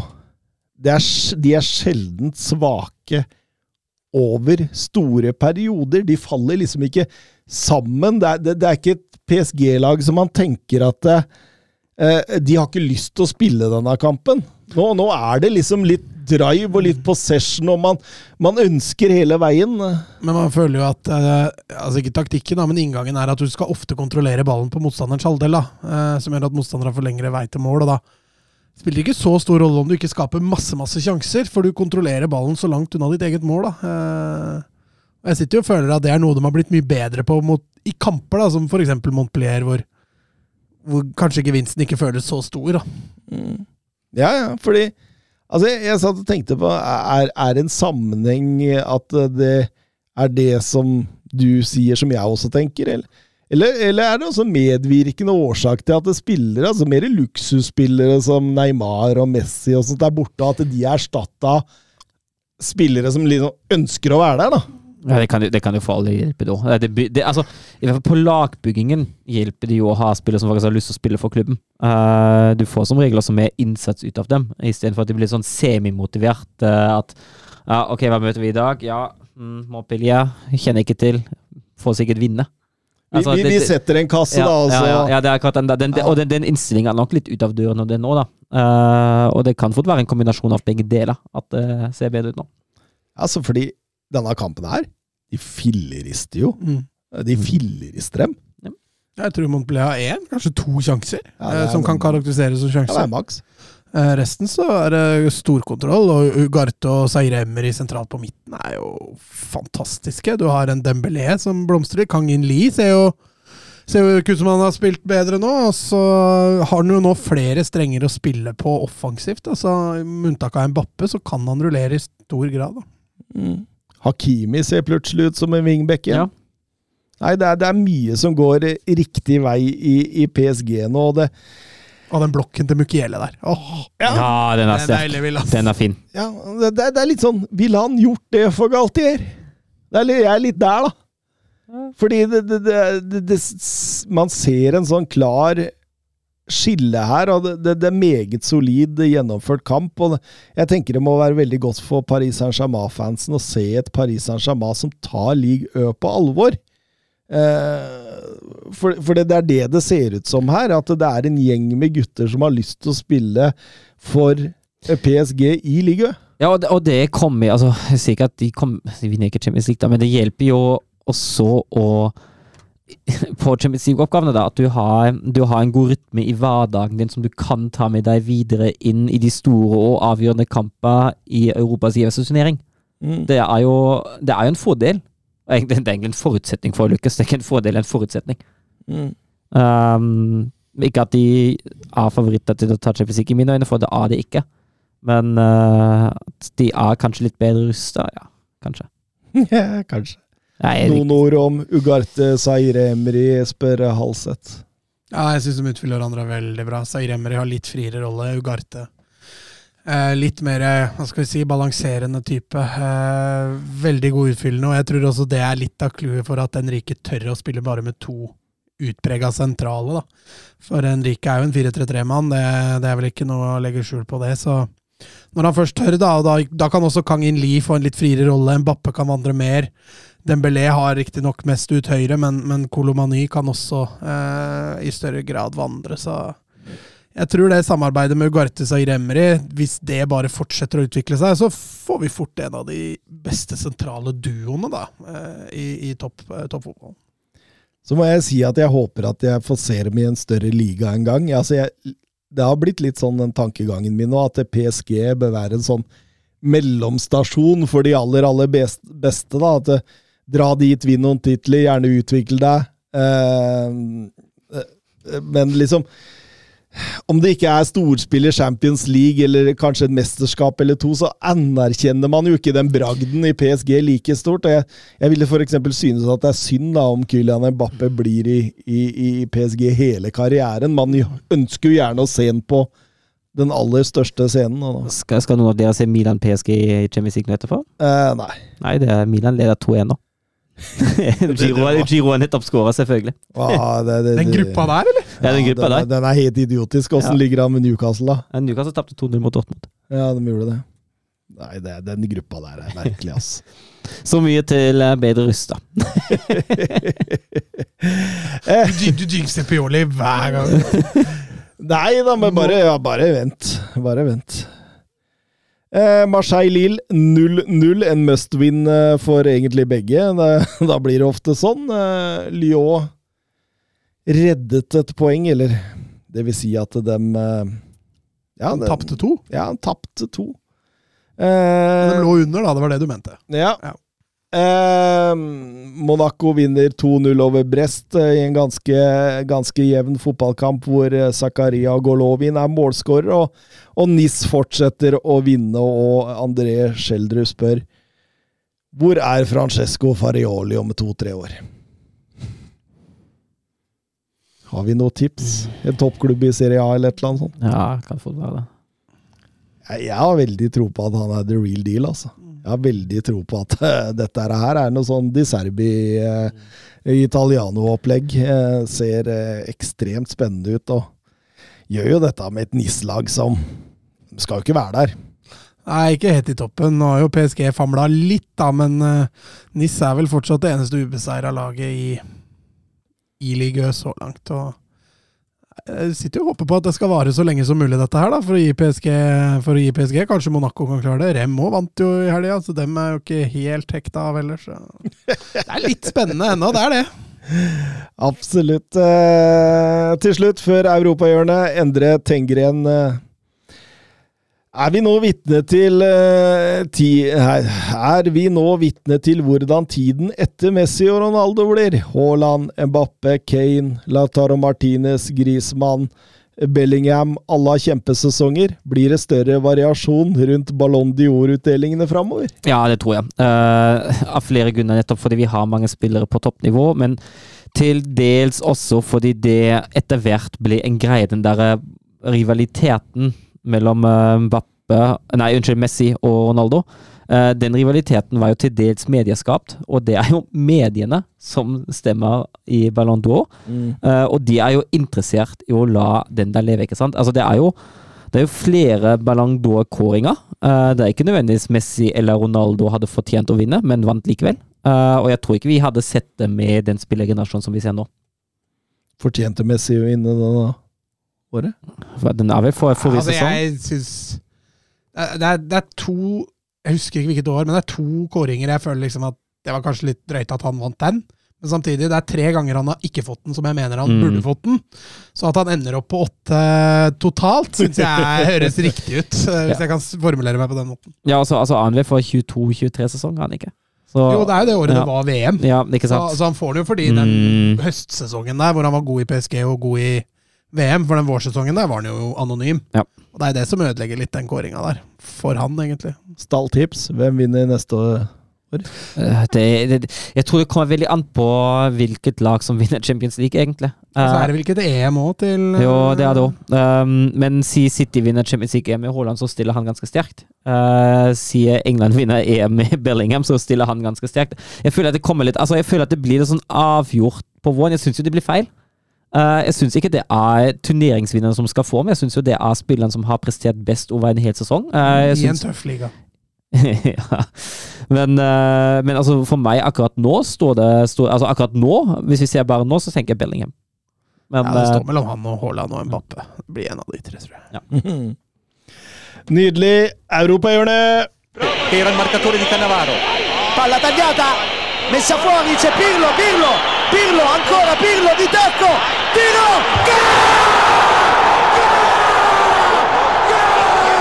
Grosso, Grosso, gol, gol di Grosso, gol di. Var det to intro over hverandre nå? Jeg veit ikke. Eh, Spennende å høre nå etterpå. Det kan godt hende det ble veldig interessant, for da, da er det i så fall Da er det i så fall Serie A-introen med Tor Håkon. Tor Håkon? Ja. Det, Ja, men- det kan bli en skikkelig miks. Ja, ja. Jeg de, de som hører på dette nå, veit allerede svaret, så Ja. Så vi bør sli, slipper å spekulere, sier du? bør ikke spekulere noe mer nå. Jeg kjenner at jeg var inne på det. Det har vært en heldags med ledermøter i dag, rett på trening. Jeg kjenner jeg er så sliten at jeg holder på å dø. Så det kan nok eh, være grunnen. Da får dere bare beklage meg. Men uh, vi skal høre litt om uh, Ajax. ja, de hadde jo to kamper siden sist helg. Uh, Midtukekamp uh, mot Volendam. Eh, den vant i 2-0. Eh, nå kamp mot Heirenveien på eh, søndag. Den vant i 4-1. Eh, så det blir en eh, det blir en fin start for nye treneren Jon von Skip. Eh, komme seg litt ut av eh, de der eh, ekle tabellregionene og ligge nå på ellevteplass med ti kamper. De fleste lagene foran har elleve. Er jo selvfølgelig milevis unna da de skal være ligger 22 poeng bak serielederne PSV etter de, spilte, etter, ti, etter de har spilt ti kamper. Det er, PSV står med elleve seier av elleve kamper. Ajax har tre seier og to uavgjort på ti. Så det er, det, det er et stykke, og det, det blir nok en, um, en tøff sesong for, for, Ajax. At de havna nå i alvorlig nedrykkstrøbbel, det kan jeg ikke se for meg. Um, det blir en sånn der uh, mellomsesong ja, hvor Altså litt sånn Lillestrøm har fulgt ja. på denne sesongen, ja. altså mot slutten der nå. Og jeg har, jeg har, ikke en sånn Altså, Jon van Skip han kommer sikkert til å stabilisere det og gjøre det sikkert helt ok, men jeg har ikke noe stor tro på at han skal være the real deal som nå tar dette Ajax-laget til nye høyder. Altså, Ut ifra det jeg har lest om ham og forstått om ham og hans trenergjerning, så er det, så er det ikke Det er ikke en mirakelmann, det der, altså ut ifra det han har prestert tidligere. Så ja, det, det blir som det blir. Det blir som det blir. Har du noe, Mats? Ja, jeg har sett litt på Jeg fikk jo med meg um, Jeg tenkte jeg skulle starte i Belgia og kjøre en liten update der. Lenge siden jeg har vært og titta på noen kamper der. Jeg, Uh, fikk med meg litt av Serkel Brygge mot Anderlecht, mest for å se Jesper Daland uh, i forhold til landslagsuttak som var nå. Hadde ikke jeg noe med det å gjøre, men Jeg er sikker. ja. Men jeg tenkte jo at Daland er jo en potensiell Bør jo være en, en aktuell kandidat. Ja, ja. Uh, og hjemmekamp for Serkel Brygge mot Anderlecht, hvor, hvor, Arnstad satt på benken. Kom inn, kom inn fikk 20 minutter der og, og gjorde det for så vidt ok. En ganske jevn kamp. Daland Eh, ble ikke helt bergtatt. Eh, møter OK motstand i, i Anderlecht, et Anderlecht-lag som har fått en veldig god start. Ligger på, ligger på andreplass. Eh, Kasper Dolberg og Torgan Hazard som styrer showet for, for Anderlecht der. Og, og, det ble litt for mye for, for Daland. Han spiller for så vidt en OK match, men, men, så fort det gikk litt fort rundt beina på han, eh, så fort det ble litt store avstander i Serkel, så, så sleit han. Eh, ikke aleine, altså. Det var et, flere som sleit der, men det var litt han jeg så på, og Anderlecht vant jo slutt, til slutt fortjent 3-0 der. og og Anderlecht har nå en andreplass. I Belgia så er det jo eh, Klubb Brygge og eh, godeste Ronny Deila som har skuffa litt. Eh, de ligger på sjuendeplass. Så det er Jeg skal ikke si det brenner på dass ennå, for det er ikke så langt fram, men, men han må nok opp et takk. Eh, kamp nummer to jeg så, jeg pleier jo å følge litt med på Blackburn, og der har vi jo endelig fått en nordmann igjen. Uh -huh. eh, Sondre Tronstad eh, starta bortekampen nå i helga mot, eh, mot, Norwich. Eh, et fryktelig svakt Norwich-lag. Eh, Superskuffa, egentlig mest over dem.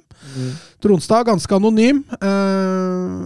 Blei mye Blackburn gikk veldig rett i strupe på Norwich, tok ledelsen 2-0 tidlig og valgte egentlig å bare kontrollere deretter, og da får jo Tronstad egentlig litt kampen i sitt favør. Kan egentlig bare løpe sidelengs og dekke rom, takle, vinne ball og spille den fra seg. Så han, han kom egentlig greit fra det, i likhet med Blackpool-laget, selv om Norwich, eh, Norwich var ganske skuffet, altså.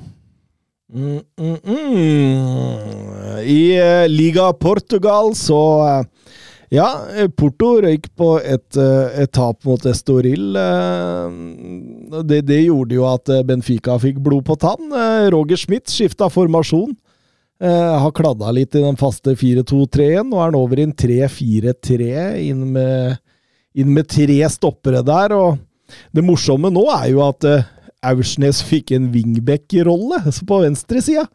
Så nå, nå har han faktisk én til posisjon i, i Benfica han har spilt. Uh, og det er jo også Aursnes som setter 1-0 fra ca. 14 cm hold rett ut i annen omgang. Der Inntil da så har eh, Benfica hatt en relativt uh, stor dominanse, uten å skape det helt store. Men, men uh, Aursnes, da han pirker inn 1-0 der, så, så, så, er det relativt fortjent. Uh, Chávez kommer tilbake og, og, og, og, har et par store sjanser, altså blant annet en, en suser i tverrlegeren fra, fra Bruno Langa. Uh, men i det 77. minutt får Benfica straffe. og Det er, det er en sånn straffesparksituasjon man sjelden ser. Det er Bruno Langa som står sjøl inne i boks, og så skal han vende opp, og så uh, drar han armen uh, bakover. Den treffer trynet på Joao Neves, og han går i bakken så det lukter svidd av. Eh, Så det var ikke en straffe han skaffa sjøl, på en måte? Nei, altså, det, altså Når ballfører og han som er på vei ut av situasjonen, skaffer straffe, den, den er veldig spesiell. Den er veldig sånn merkelig greie, men Ja, for eh, Du sier jo, sa jo tidligere i sendinga at du likte ting du ikke har sett før. Ja, ja. Det, det var, så du det var, jeg, det? jeg, jeg, jeg, syns det var moro! Syns det var moro. Og Joao Mario setter jo den, og det, det blir en grei 2-0-seier eh, for Benfica. Braga vant 6-1 over Portemonese, mens Sporting eh, vinner 3-2 over Estrela og ligger på toppen av tabellen. Eh, til slutt, før vi avrunder dette hele, eh, Christian Holte, hva tenker dere er riktig staff for Ole Sæterads røde kort i går? Første gang jeg har sett noen ha fått rødt kort fra benken. altså jeg har vel sett folk fra rødt, få rødt kort fra benken før, men det er veldig Ikke- ikke- sjeldent ute på banen. Ja, ikke for det der som regel. Altså, det er sjelden at en står fra benken, fra benken inn på banen og begynner å dytte. Altså, Det er jo gjerne munnbruk eh, eller noe annet som, som gir rødt kort. Da. Um, Eller, eller, en, eller en slåsskamp på ja, benken. det, det skjer ofte. hvor det er to kan- ja, på ja. benken som Ja. klinker, men ikke Men, at men, men, men, men Molde-Rosenborg, det, det var jo litt Newcastle, Ja, Den første gangen der var jo veldig Det var litt fyr. Men der. han, han fikk nå tre kampers karantene, og jeg tenker at det, det er passe, det. Ja. Ut sesongen, så er det greit. Hyller vi at han står og blusser Ja, etterpå? ja du er gæren. Det er skikkelig kult. Ja, det er dritbra. Rett opp Ja, til Leif Welhaven gjorde ikke det. Nei, han liker jo ikke noe som er gøy. Så det, det Hjemme hos han er fire hvite vegger, det er ikke noe annet. Nei, kan være farlig, vet du. kan, Kan være farlig. Kan være farlig! Den er grei. Ha det bra, boys. Ha det. Ha Messi.